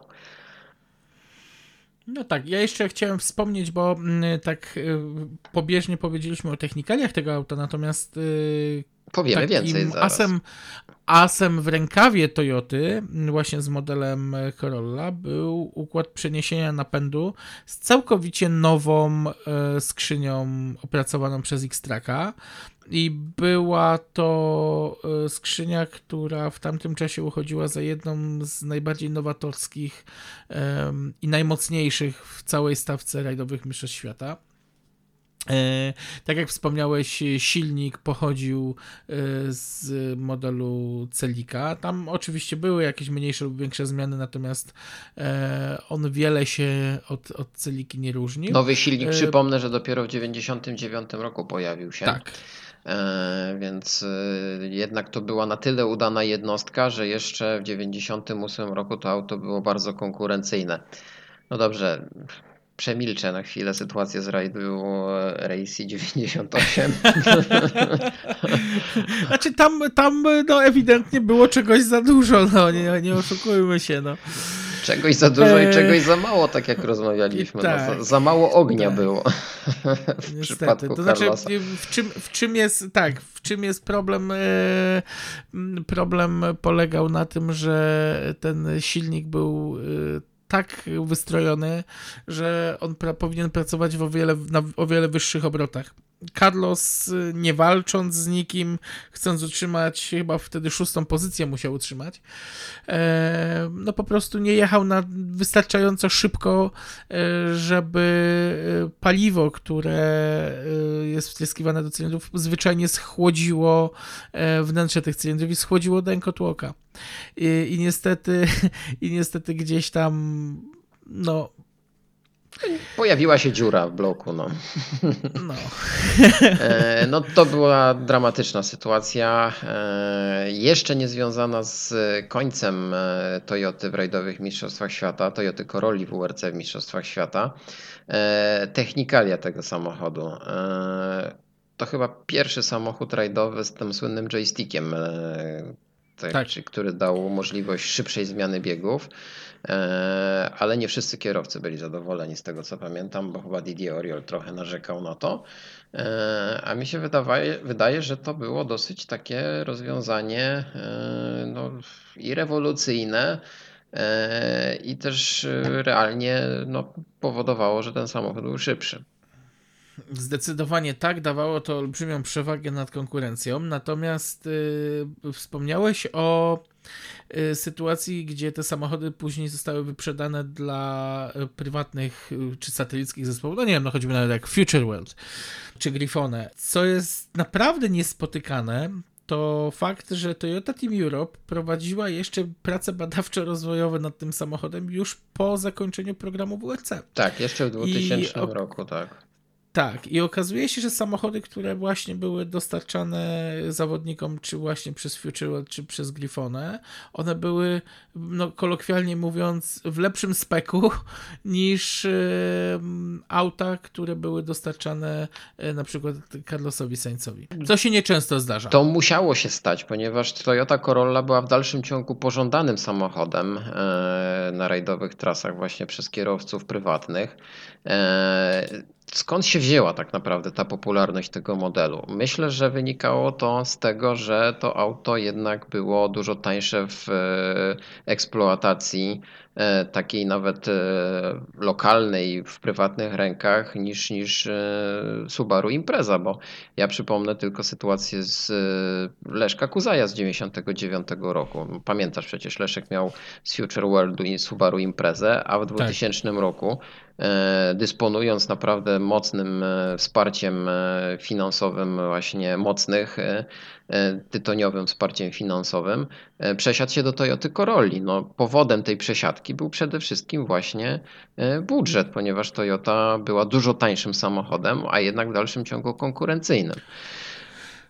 Wiesz co, tak, tylko też nie oszukujmy się, że ProDrive miał bardzo taką śmieszną politykę yy, no, o wiele wyższych cen niż konkurencja. No tak, ale Oni właśnie ci lokalni dobry produkt. tunerzy mhm. też no niestety no, nie mieli jak ciąć tych budżetów. No, Leszek wtedy korzystał z usług Future Worldu, e, ale no właśnie bardzo szybko w obrębie tego jednego zespołu przesiadł się z imprezy do, do, do Toyoty właśnie.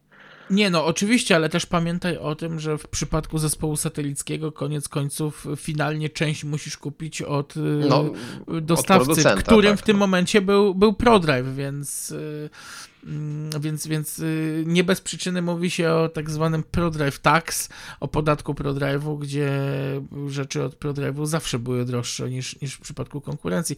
I to masz rację, to na pewno sprawiło, że Corolla była samochodem bardzo pożądanym wśród y, prywatnych zespołów, wśród kierowców y, startujących w Mistrzostwach Narodowych.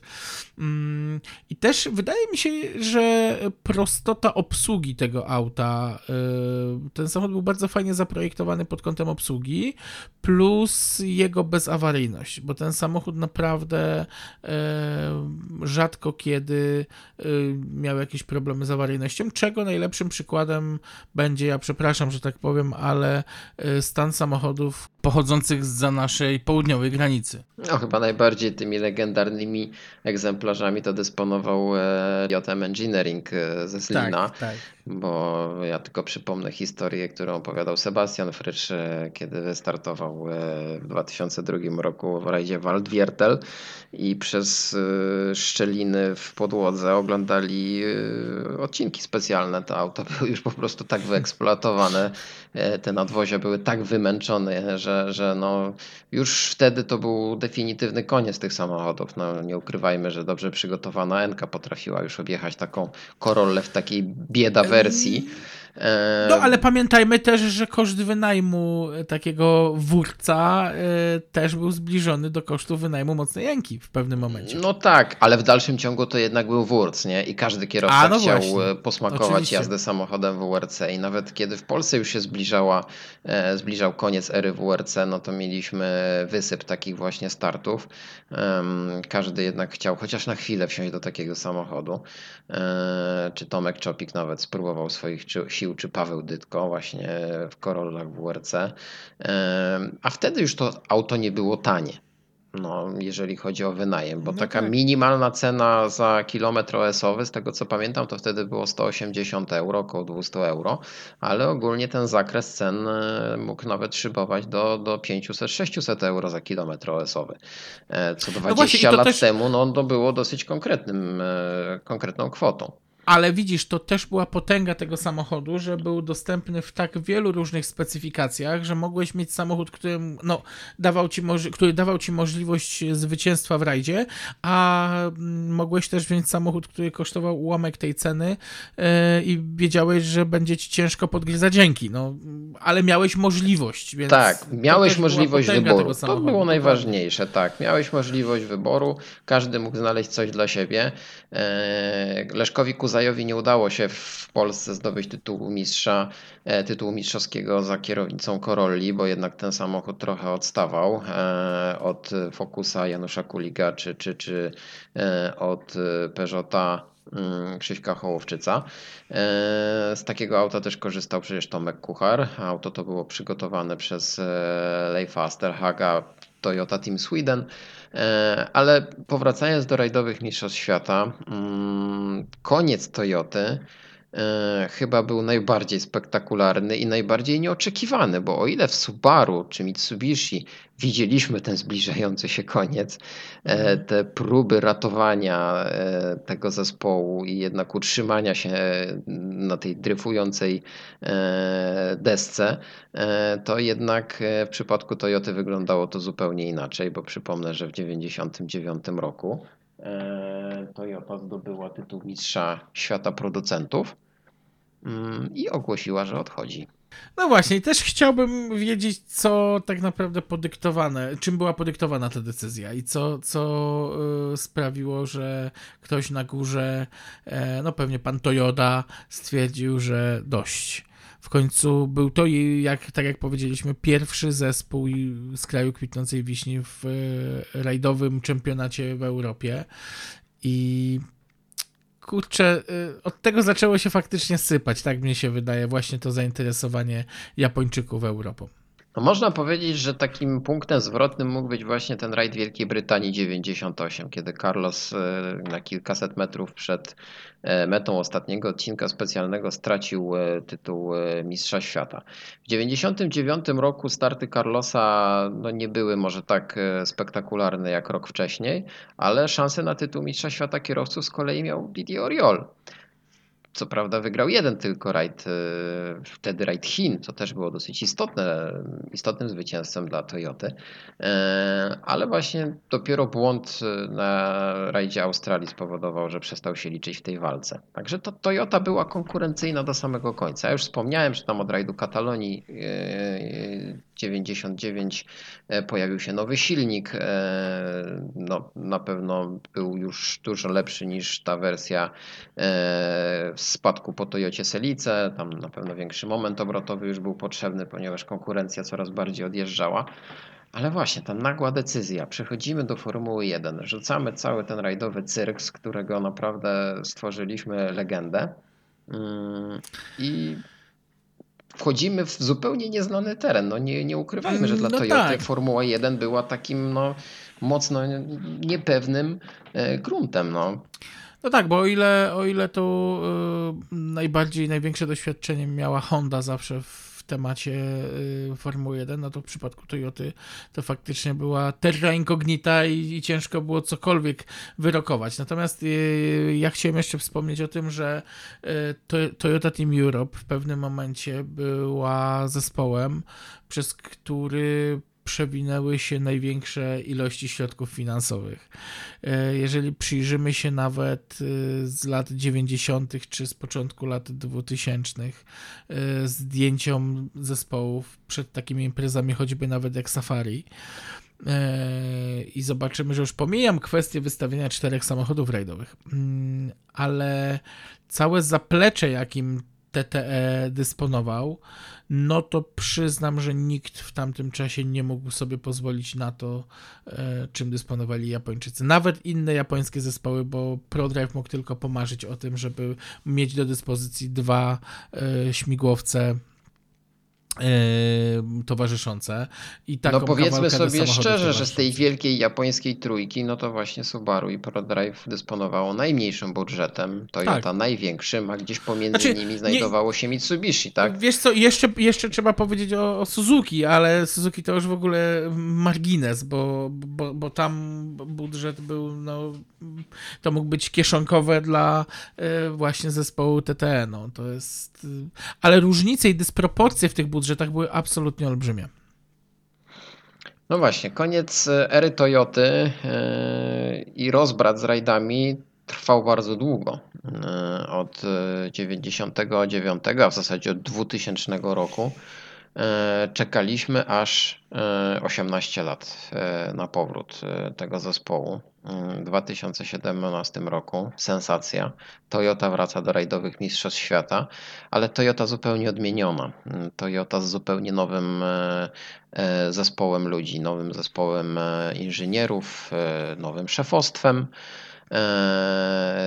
Tommy Makinen staje na czele e, tego powracającego do rajdowych mistrzostw świata zespołu i z nowym samochodem, e, z zupełnie nową konstrukcją, bo właśnie od 2017 roku przypomnijmy, że pojawiły się właśnie te nowe samochody WRC mm, z tym rozbudowanym pakietem e, aerodynamicznym, z mocniejszymi silnikami i Toyota wchodzi cała na biało i zaczyna rozjeżdżać konkurencję. I to jest właśnie to, co mi się podoba właśnie w tym japońskim stylu. Takim e, mocnym wejściu, e, mocnym powrocie, który nie pozostawia złudzeń, jeżeli chodzi o e, zespoły fabryczne.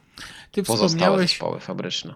Tak, ty wspomniałeś o Tomie McKinnenie jako dyrektorze zespołu, natomiast ja chciałem jeszcze tu wspomnieć o Kaju Lidströmie, który pełni rolę dyrektora sportowego i mm, Czyli mamy sobie... takie stężenie Finów, że No, mamy, znaczy... zespół, ma, mamy dwóch y, gości z zespołu Subaru, którzy kończą kariery tak naprawdę y, jako, jako zawodnicy, a potem właśnie tworzą zgrany duet. Zespołu Mitsubishi, tak.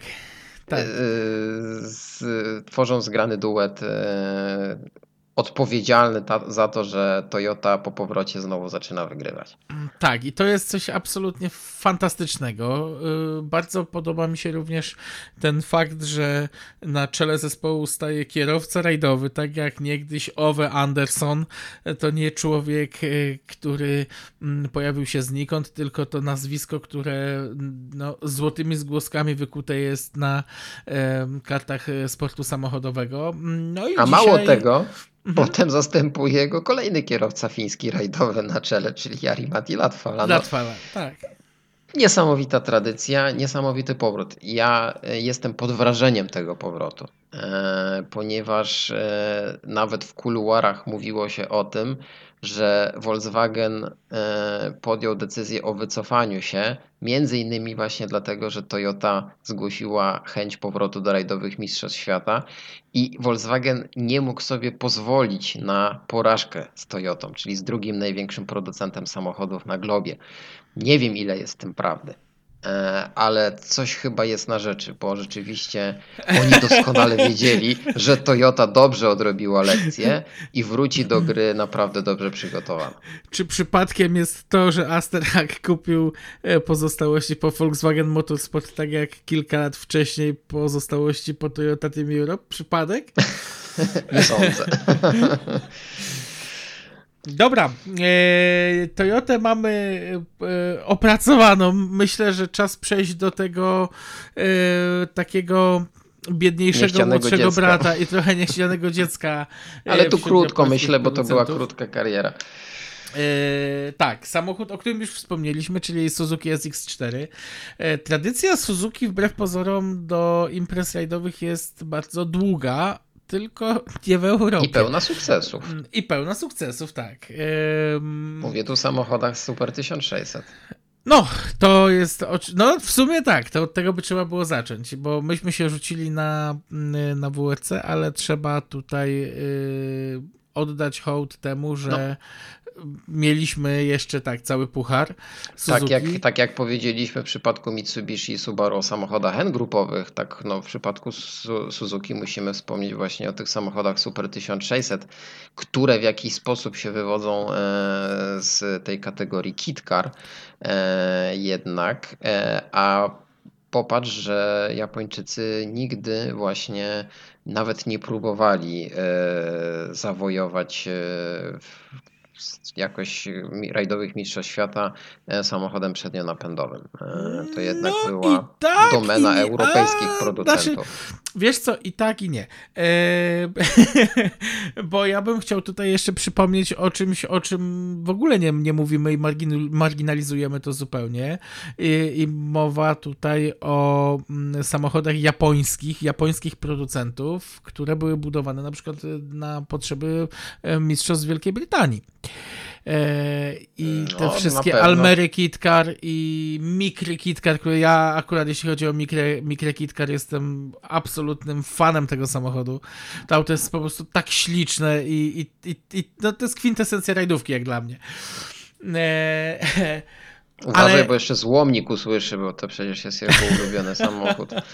Może nie w wersji rajdowej, ale rzeczywiście ta mikra. Ale, przyznaj, to- ale to przyznaj, że naprawdę jest jednym z ładniejszych samochodów Tak, jak najbardziej. klasie. Rzeczywiście Almera, no nie tylko w Mistrzostwach Wielkiej Brytanii, no ten dwulitrowy Kit Car Nissana e, z Higginsem za kierownicą e, też próbował trochę e, sił w Mistrzostwach Świata. Tak.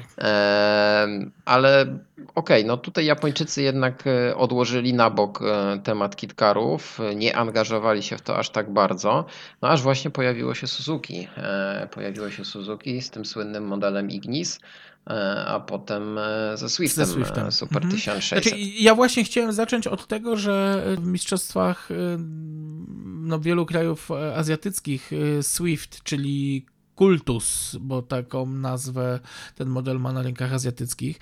E, On jest bardzo mocno rozpoznawalny jako samochód związany z rajdami samochodowymi.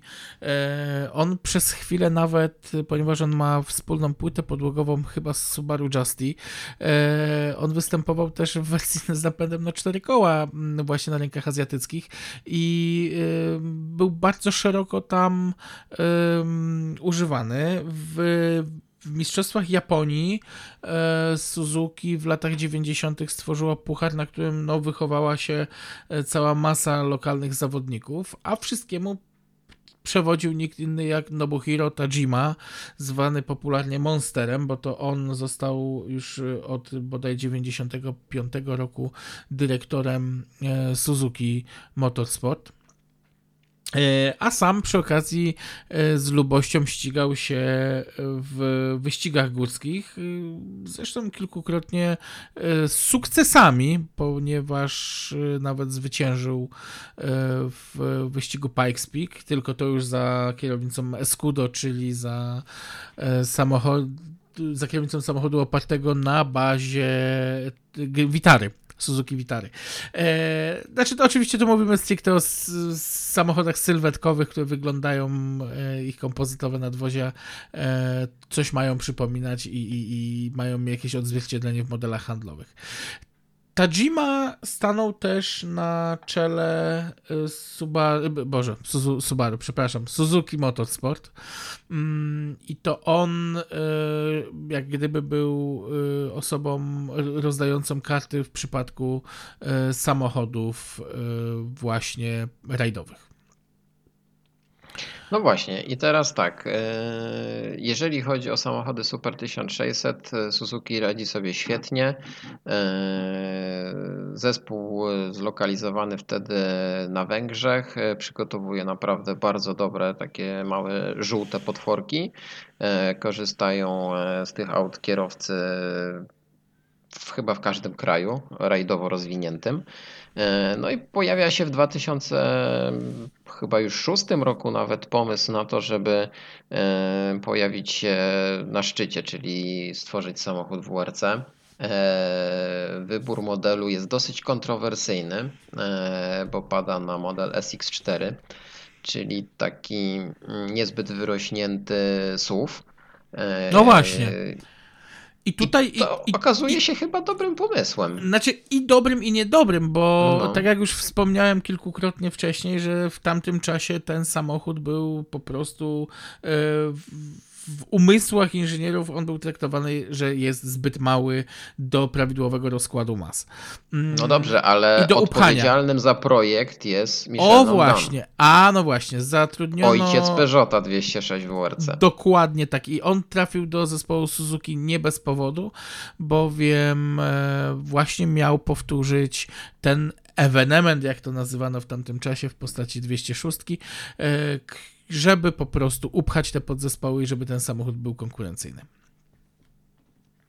No właśnie, i tutaj się wydaje nam, że cały przepis na udany samochód rajdowy e, jest gotowy. Mamy gotowe auto. Ono pojawia się w 2007 roku na rajdzie Korsyki e, po raz pierwszy. E, Chyba tam nawet tylko jeden kierowca pojechał tym samochodem, bo nie było jeszcze auto drugie gotowe e, na tyle, żeby wystawić dwa auta. Mm, No i ja mam takie wrażenie, że e, tam chyba coś na linii e, zespół przygotowujący, a japońscy włodarze też nie do końca zadziałało, bo nie wiem, może się mylę, ale tam chyba trochę inne wizje były stworzenia tego samochodu, prowadzenia tego zespołu i odnoszenia sukcesów.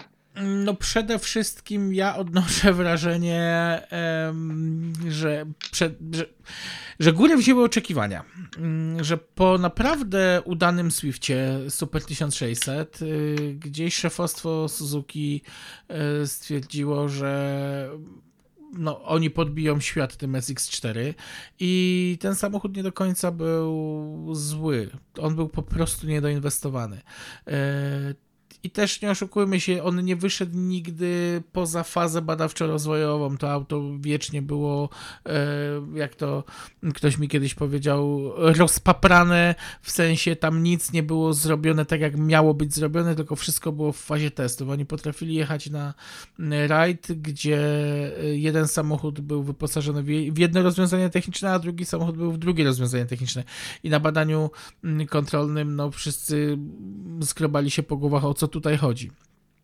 Więc y, brakło gdzieś takiego podejścia y, systematyczności w budowie tych samochodów, a to znowu wynikało niestety z braku pieniędzy. I oficjalnie y, zespół zakończył działalność w 2008 roku jako y, no, ofiara kryzysu finansowego, e, ale tak naprawdę wszyscy doskonale wiedzieli, że po prostu Suzuki e, zamknęło finansowanie dla projektu tylko i wyłącznie z racji braku jakichkolwiek satysfakcjonujących wyników. No właśnie, bo ten samochód e, mógł się podobać, robił wrażenie na kibicach, kierowcy widzieli w tym samochodzie potencjał. E, Program został nagle zamknięty. Mm, Mówiło się o tym, że wszystkie egzemplarze zostały zniszczone, ale chyba jednak nie wszystkie, bo e, gdzieś chyba na Barbadosie kilka egzemplarzy, albo przynajmniej jeden się poniewierał e, i startował tam. No, samochód, kolejny samochód japoński z potencjałem. Mi trochę przypomina historia e, SX4, przypomina mi trochę historię Mazdy z e, końca lat 80., czy Nissana nawet, e, o którym też rozmawialiśmy. Też taki brak dopracowania tego pomysłu, projektu i też takie wejście i opuszczenie sceny rajdowej nie w japońskim stylu. No tak, a co E, ciekawe, auto, które miało naprawdę duży potencjał, bo y, plotka głosiła, że w sezonie 2008 był to samochód z jednym z mocniejszych pod kątem mocy mm, silników, więc oni wiedzieli, co robią, tylko gdzieś, gdzieś po prostu brakło, tak jak mówię, prawdopodobnie funduszy na to, żeby zrobić to dobrze. Ale widzisz, samochód był dosyć perspektywicznie zaprojektowany, ponieważ e, to był taki okres, że nie wiedziano dokładnie, jak będzie wyglądać przyszłość samochodu WRC. e, I SX4 został tak skonstruowany, żeby bardzo szybko go przerobić na auto Super 2000, Tak. które już wtedy te samochody się pojawiły na rajdowych trasach. E, I, i, czyli Su- Suzuki zostawiało sobie jakąś furtkę jednak, e, no ale chyba tam też już e, została ona zamknięta definitywnie e, i nic się już nie dało zrobić.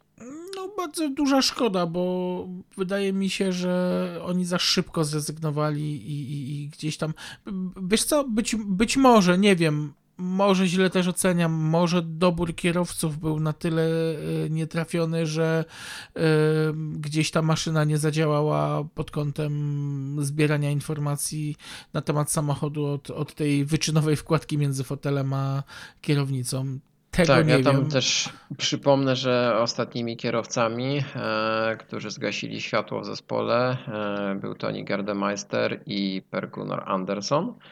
E, To takie dosyć znane postacie już wtedy w rajdowym świecie, szczególnie ten powrót Toniego Gardemeistera e, no, był taki dosyć e, huczny i po nim sobie też wiele e, e, obiecano. No, bo to, skończyło bo, się, bo, się to, skończyło. bo to był kierowca taki troszkę, ja z bardzo dużym sentymentem do, do, do niego zawsze wracam, natomiast y, odnoszę wrażenie, że to był właśnie kierowca niespełnionych nadziei i, y, i gdzieś tam w tej bardzo szybko rozbłysłej gwiaździe, mm, gwieździe gdzieś tam czegoś po prostu brakło, żeby, żeby no, zrobić faktycznie mm, wynik.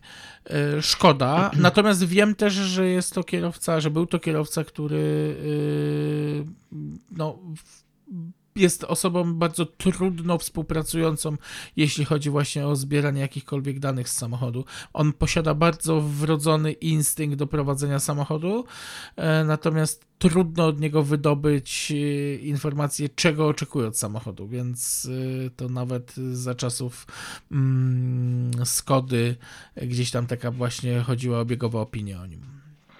Toni Gardemeister niedawno obchodził urodziny, e, a jeżeli chcecie coś dowiedzieć się więcej o, jego osobie, możecie poczytać e, o nim na naszym fanpage'u e, facebookowym, do którego serdecznie zapraszam. No a my po, po, powoli będziemy chyba kończyć ten temat, który rozciągnęliśmy dosyć bardzo mm, na, na ładnych kilka godzin. E, Ale nie sposób tutaj powiedzieć też e, o takiej kolebce e, japońskich producentów, mm, bo oczywiście rajdowe Mistrzostwa Świata były bardzo istotne i Japończycy szczególnie w latach 90., e, w drugiej połowie lat 90. zdominowali te rajdowe Mistrzostwa Świata. Ale takim równoległym serialem też pod egidą FIA były rajdowe Mistrzostwa Azji i Pacyfiku. Czyli takie miejsce e, bardzo istotne dla japońskich producentów. Mm, Cykl zadebiutował w 1988 roku i całkowicie został zdominowany przez Japończyków, bo tytuł zdobył Kenjiro Shinozuka za kierownicą Mitsubishi Galanta, E, ale do 90, nie, nawet przepraszam, do 2011 roku ten cykl należał naprawdę do azjatyckich producentów, bo przez ten okres ani razu nie udało się innemu producentowi niż e, japońskiemu no i malezyjskiemu Protonowi e, wygrać tego cyklu. Ten cykl jest bardzo obecnie, tak od kilku lat y, odnoszę wrażenie, że jest bardzo mocno marginalizowany przez y, nie tylko producentów, ale też i kibiców. Y, A Ja szkoda. jeszcze, a szkoda, bo w latach 90. y, mm, rajdowe Mistrzostwa Azji i Pacyfiku były bardzo mocno promowane również i w Europie. Można było oglądać relacje z tych rajdów i mm, no, cieszyły się dużym wzięciem nawet wśród samych producentów przecież, czy ProDrive, czy e, Toyota Team Europe. Tam również wystawiały swoje samochody e, w formie treningu. Mm, No i też nie oszukujmy się, też rywalizowały w e, tym czempionacie po to, żeby móc się pokazać właśnie na azjatyckich rynkach w formie reklamy, więc e, no, ten cykl przeżywał wtedy swój naprawdę złoty czas. Mm, Od pewnego czasu odnoszę wrażenie, że e, zrobił się bardzo hermetyczny, to znaczy mm, ten azjatycki rynek bardzo mocno odciął się od tego, co dzieje się w rajdowych mistrzostwach świata.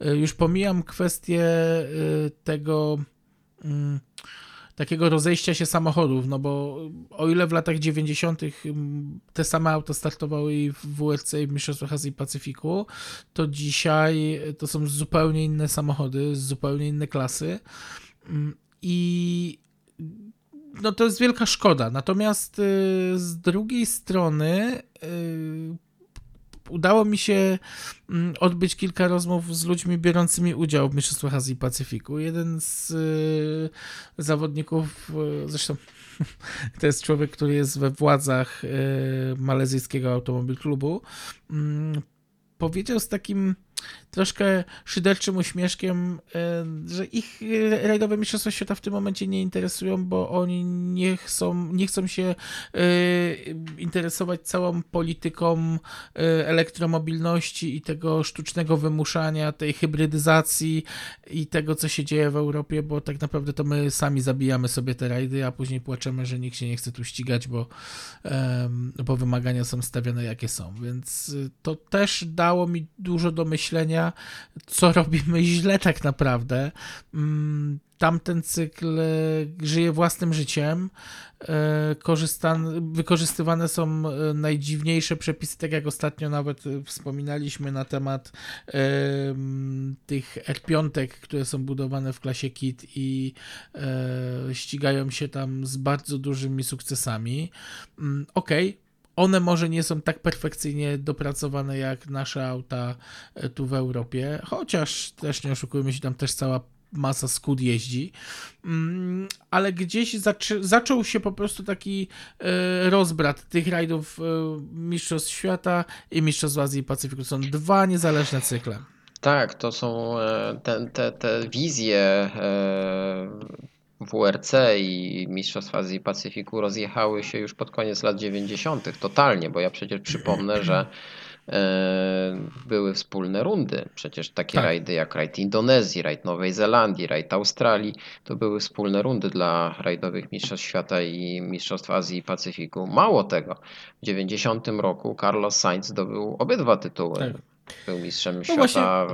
WRC i mistrzem świata Azji i Pacyfiku, więc e, mistrzem Azji i Pacyfiku, więc e, no, coś rzeczywiście poszło nie tak. Mm, tylko tak pytanie, tak tylko czy u że... nich, czy u nas? No moim zdaniem właśnie tutaj po stronie e, e, FIA i e, tej wizji ekologicznych rajdów, no które są totalnie utopią i, i, zupełnie złym posunięciem, bo zauważ, że to co się dzieje teraz, tak? Hybrydyzacja w ogóle nie wyciąga rajdów z dołka, rajdów WRC.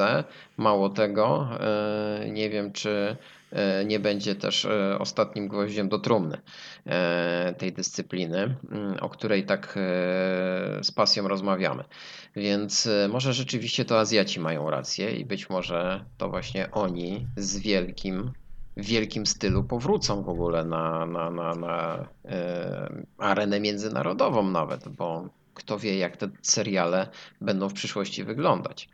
Więc to, to prawda. To też ym, odnoszę wrażenie, to już tak króciutko, nie zagłębiając się y, w temat, y, ale właśnie ten, y, te różnice i ta hermetyczność dzisiaj Mistrzostw Azji i Pacyfiku, odnoszę wrażenie, że sprawia też, że poza Katsutą dzisiaj no nie mamy żadnych nazwisk liczących się w rajdowych Mistrzostwach Świata ze strony japońskiej. Ja wiem, że tych kierowców nigdy nie było dużo, że był Shinozuka, mm, że był Toshiara, czy tak, ale yy, ale mimo wszystko wydaje mi się, że kiedyś było więcej Japończyków zainteresowanych udziałem w Mistrzostwach Świata. Dzisiaj troszkę tak yy, no, trzymają się jednak właśnie tej Azji.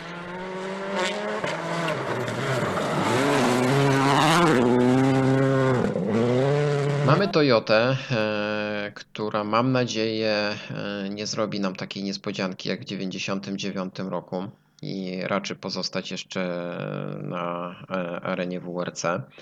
Co prawda ten zespół podobnie jak za tych swoich najlepszych czasów, czasów Toyota Celic czy Corolli WRC jest w tych europejskich rękach. E, jest przygotowywany przez te europejskie ręce i myśl techniczną. No, przepraszam, jest w kolebce rajdów, jest Viva Skilla, więc... Tak, tak, więc, e, więc tutaj, tutaj to jest e, dosyć takie znamienite i istotne. E, ale nie wiemy, jak się sytuacja gospodarcza na świecie ukształtuje w najbliższych latach. Mm, nie wiemy, czy właśnie tam komuś e, w Japonii nie przyjdzie jednak do głowy, żeby zamknąć po prostu ten program i spróbować czegoś innego, albo całkowicie wycofać się ze sportu motorowego. No nie ukrywajmy, że sport motorowy współczesnej motoryzacji jest coraz mniej potrzebny. E, to nie jest już taki poligon mm, doświadczalny jak kiedyś czego najlepszym przykładem jest Mitsubishi, które całkowicie wypięło się na jakąkolwiek aktywność sportową, bo Subaru, tak jak wspomnieliśmy, w dalszym ciągu jest aktywne, nawet STI prowadzi własny zespół wyścigowy, a Mitsubishi powiedziało nie, oni będą teraz e, zieloni i, no i prowadzą sobie politykę właśnie zeroemisyjności i, i innych dziwnych wynalazków. No to smutne i w zasadzie takim smutnym akcentem musimy zakończyć e, naszą dzisiejszą rozmowę, e, bo ja nie widzę w tej chwili szans na to, żeby Mitsubishi czy Subaru powróciło do rajdowych mistrzostw świata. E, cieszmy się, że jest jeszcze Toyota, mm, bo jeśli któryś ze słuchaczy jest fanem japońskich samochodów rajdowych, no to, no to w zasadzie tylko nam ta Toyota została. I dobrze, że wróciła. O, o, o ale jeszcze, jeszcze zanim skończymy, to jeszcze zwróć uwagę, co się dzieje w związku z tym, że mamy y, rajdowy zespół Toyota w Mistrzostwach Świata. Mm, mamy również fantastyczne samochody pokroju Yarisa GR czy Corolli GR, które no, gdzieś tam są tym duchowym spadkobiercą właśnie mm, tych, y, no okej, innych marek, bo y, Subaru Imprezy i Mitsubishi Lancera, ale gdzieś tam niosą za sobą ten gej, gen ym, drogowego samuraja. No, akurat e, Toyota marketingowo e, bardzo dobrze e, rozwiązała sytuację, jeżeli chodzi o Yarisa GR. Ten samochód jest tak popularny, że pojawia się w różnych, nawet amatorskich imprezach. Można go oglądać praktycznie wszędzie. I okazuje się, że jednak Toyota wie, jak bawić się w rajdy samochodowe, wie, jak podtrzymać tę legendę i to jej się jak najbardziej udaje. I oby udawało jej się to jak najdłużej. E, Bo ja niestety przyszłość rajdów samochodowych nawet na e, poziomie rajdowych Mistrzostw Świata widzę dosyć e, w ciemnych barwach. I nie chciałbym, żeby okazało się właśnie, że za jakiś czas zostanie nam jeden producent, który stwierdzi, no dobra, okej, no ale z kim mamy się bawić, więc, e, więc to wszystko się zakończy. A ja liczę na to, że sukcesy Toyoty i taka no, dominacja troszkę tego zespołu y, będzie motorem napędowym właśnie choćby nawet dla Subaru, bo na Mitsubishi już nie liczę, y, ale może właśnie też i dla Suzuki. W końcu zwróć uwagę, że drugim producentem jest y, Hyundai, więc też producent, który mocno podgryza rynki azjatyckie, mocno inwestuje w Stany Zjednoczone i myślę, że to też może być właśnie takim triggerem do tego, żeby jednak y, podjąć rękawice i, i, i powalczyć jeszcze na arenie rajdowych Mistrzostw Świata. No to będziemy żyć nadzieją. E, Tymczasem chyba jednak e, będziemy kończyć. E, Z wielkim niedosytem nie ukrywam, bo myślę, że tematu nie wyczerpaliśmy O, nawet w zdecydowanie. połowie. Jednak czas troszeczkę zmienić tematykę.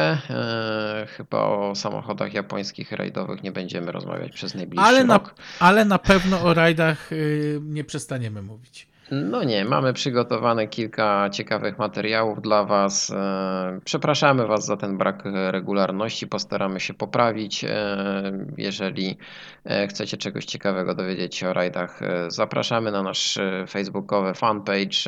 Tam staramy się zawsze coś ciekawego napisać, a lada chwila powinna ruszyć nasza strona internetowa, na której też sukcesywnie będziemy e, zamieszczać e, ciekawe artykuły.